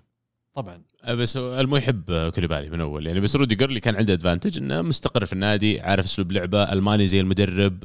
يعني وجوده كان مضيف شيء للفريق. بس طبعا كوليبالي كاسم أكبر وأعتقد حتى capability أكبر بس إنه كبير ترى مو بصغير بعد. يعني 31 سنة في بسنه ونص بينهم. يعني وش فرق كثير عن آه، تياجو سيلفا وش فرق عن ذولي؟ عن تياجو الخبرة. سيلفا 37 لا، لا فرق سبع من, من, سنين. من ناحية تتكلم إنه مو في المشروع حق تشيلسي اللي على مدى خمسة وست سنوات هذا واحد. بيقفل لك خانة سنتين ثلاث سنين. يعني لو لو يعني آه، تشيلسي عندهم مشروع خمس ست سنوات ما باعوا مدافعينهم الكويسين آه، للأندية الثانية وراحوا جابوا تياجو سيلفا وكوليبالي بس من نفس النقطة بعد لأنك ما عندك عدد كنت أنت محتاج أكثر المدافعين أبو 23 24 25 لأن أنت ما عندك أعداد. فحط هذولي أرميهم ثمان سنين قدام وأبدأ إذا حصل لي واحد جبته يعني upgrade ما هذا هو لك- آه، مشى تومور ومشى. جاي والحين توه مشي واحد. لا أنا أتكلم عن الشباب حقين الاكاديميه تو مشي واحد لبرايتون. هذول اللاعبين الشباب اللي أثبتوا نفسهم في آه، في ال championship وفي دوريات أخرى ما ما حافظ عليهم. حتى آكي قبلها. إيه. شوف آكي أساسي في السيتي الحين. هذا هو. فيعني آه، لو تشيلسي يفكر زي كذا كان ما خلى هذول يروحون. صح. هو بس يفك- يفكر تشيلسي اللي هو إنه الحين. دخل دخل إضافي أبيع هذا ب 30 وأروح أشتري لي واحد الحين كويس ب 60 ينفعني الثلاث سنين الجاية. وبعد ثلاث سنين يكون عندي اثنين أبيع لواحد ب 30 وأجيب لي واحد ب 70 ونبتل. إيه. فيعني أهم شيء الحين بالنسبة لتشيلسي. آه بالنسبة لي بصل أسبوع صراحة لقطة آه روميرو. آه لأنها ما لها داعي. يعني. كوكوريا قصير حتى ولا هو منافسك على ال- الكرة العالية ذي ولا هو ماخذ الكرة من كين ولا من Dier مثلا. إيش رأيك في روميرو كمدافع؟ والله جيد. جيد. آه لأن موسمه مع آه شو اسمه أتلانتا. كان كان جدا رائع. واستغربت إن اليوفي خلوه يروح. حتى أنا. مرة استغرب في أسماء تطلع من اليوفي اقسم بالله يقول إيش قاعد تسوون؟ yeah المشكلة الحين شوف الحين منقين يبغون مدافعين. يعني ديميرال وروميرو. اثنين ذولي أنا ما أدري إيش تمشيت جرار خلاص انباع آه، أتلانتا. وين راح؟ آه. أتلانتا إيه راح مكان روميرو. بس والله اللي جاء جيد ترى. أنا يعني بحكم ان ميلان كان شوي يعني ينافس وتحمست وشفت كذا مباراة آه ال- ال- ال center آه شو اسمه هو؟ الأسمر اللي جاء من ميلان. بريمر. بريمر. بريمر جاي من تورينو. من تورينو. إيه. فشفت ك... شفت المباراتين حقت اللي لعبها ضد ميلان. آه، احسه كان جيد يعني تحسه كان قائد. كويس هو هو كويس. بس يعني أنت قاعد تدفع فلوس عشان تجيب اللعيبه ذا. كانوا كانوا عندك كان عندك روميرو كان عندك ديميرال. بس غالي كان بريمير؟ 40 ظاهر. آه اللي تميز بريمير يقول لك أكثر مدافع فاز بالكرات العالية. إيه. يعني هذا إضافة جميلة بصراحة لدفاع اليوفي وخاصة في ال- ال- ال- الحالات الهجومية في الكرات الثابتة. وبونوتشي جيد في ال- الجوليز في لا شيء. في لا شيء. فينوتشي جيد في لا شيء. رجلة كويسة. كابتن. عرف يرد الكورة بمؤخرته. حلو كذا وصلنا نهاية. حلقتنا اليوم. إن شاء الله تكونوا استمتعتوا معنا. أبد آه بعد أذكركم مرة أخرى. آه قيمونا على آيتونز وجوجل بودكاست واي برنامج بودكاست تستخدمه. عطنا تقييم خمس نجوم انت كريم وحنا نستاهل. وسلامتكم. كانت الكره معنا. الحين الكرة معكم. عليكم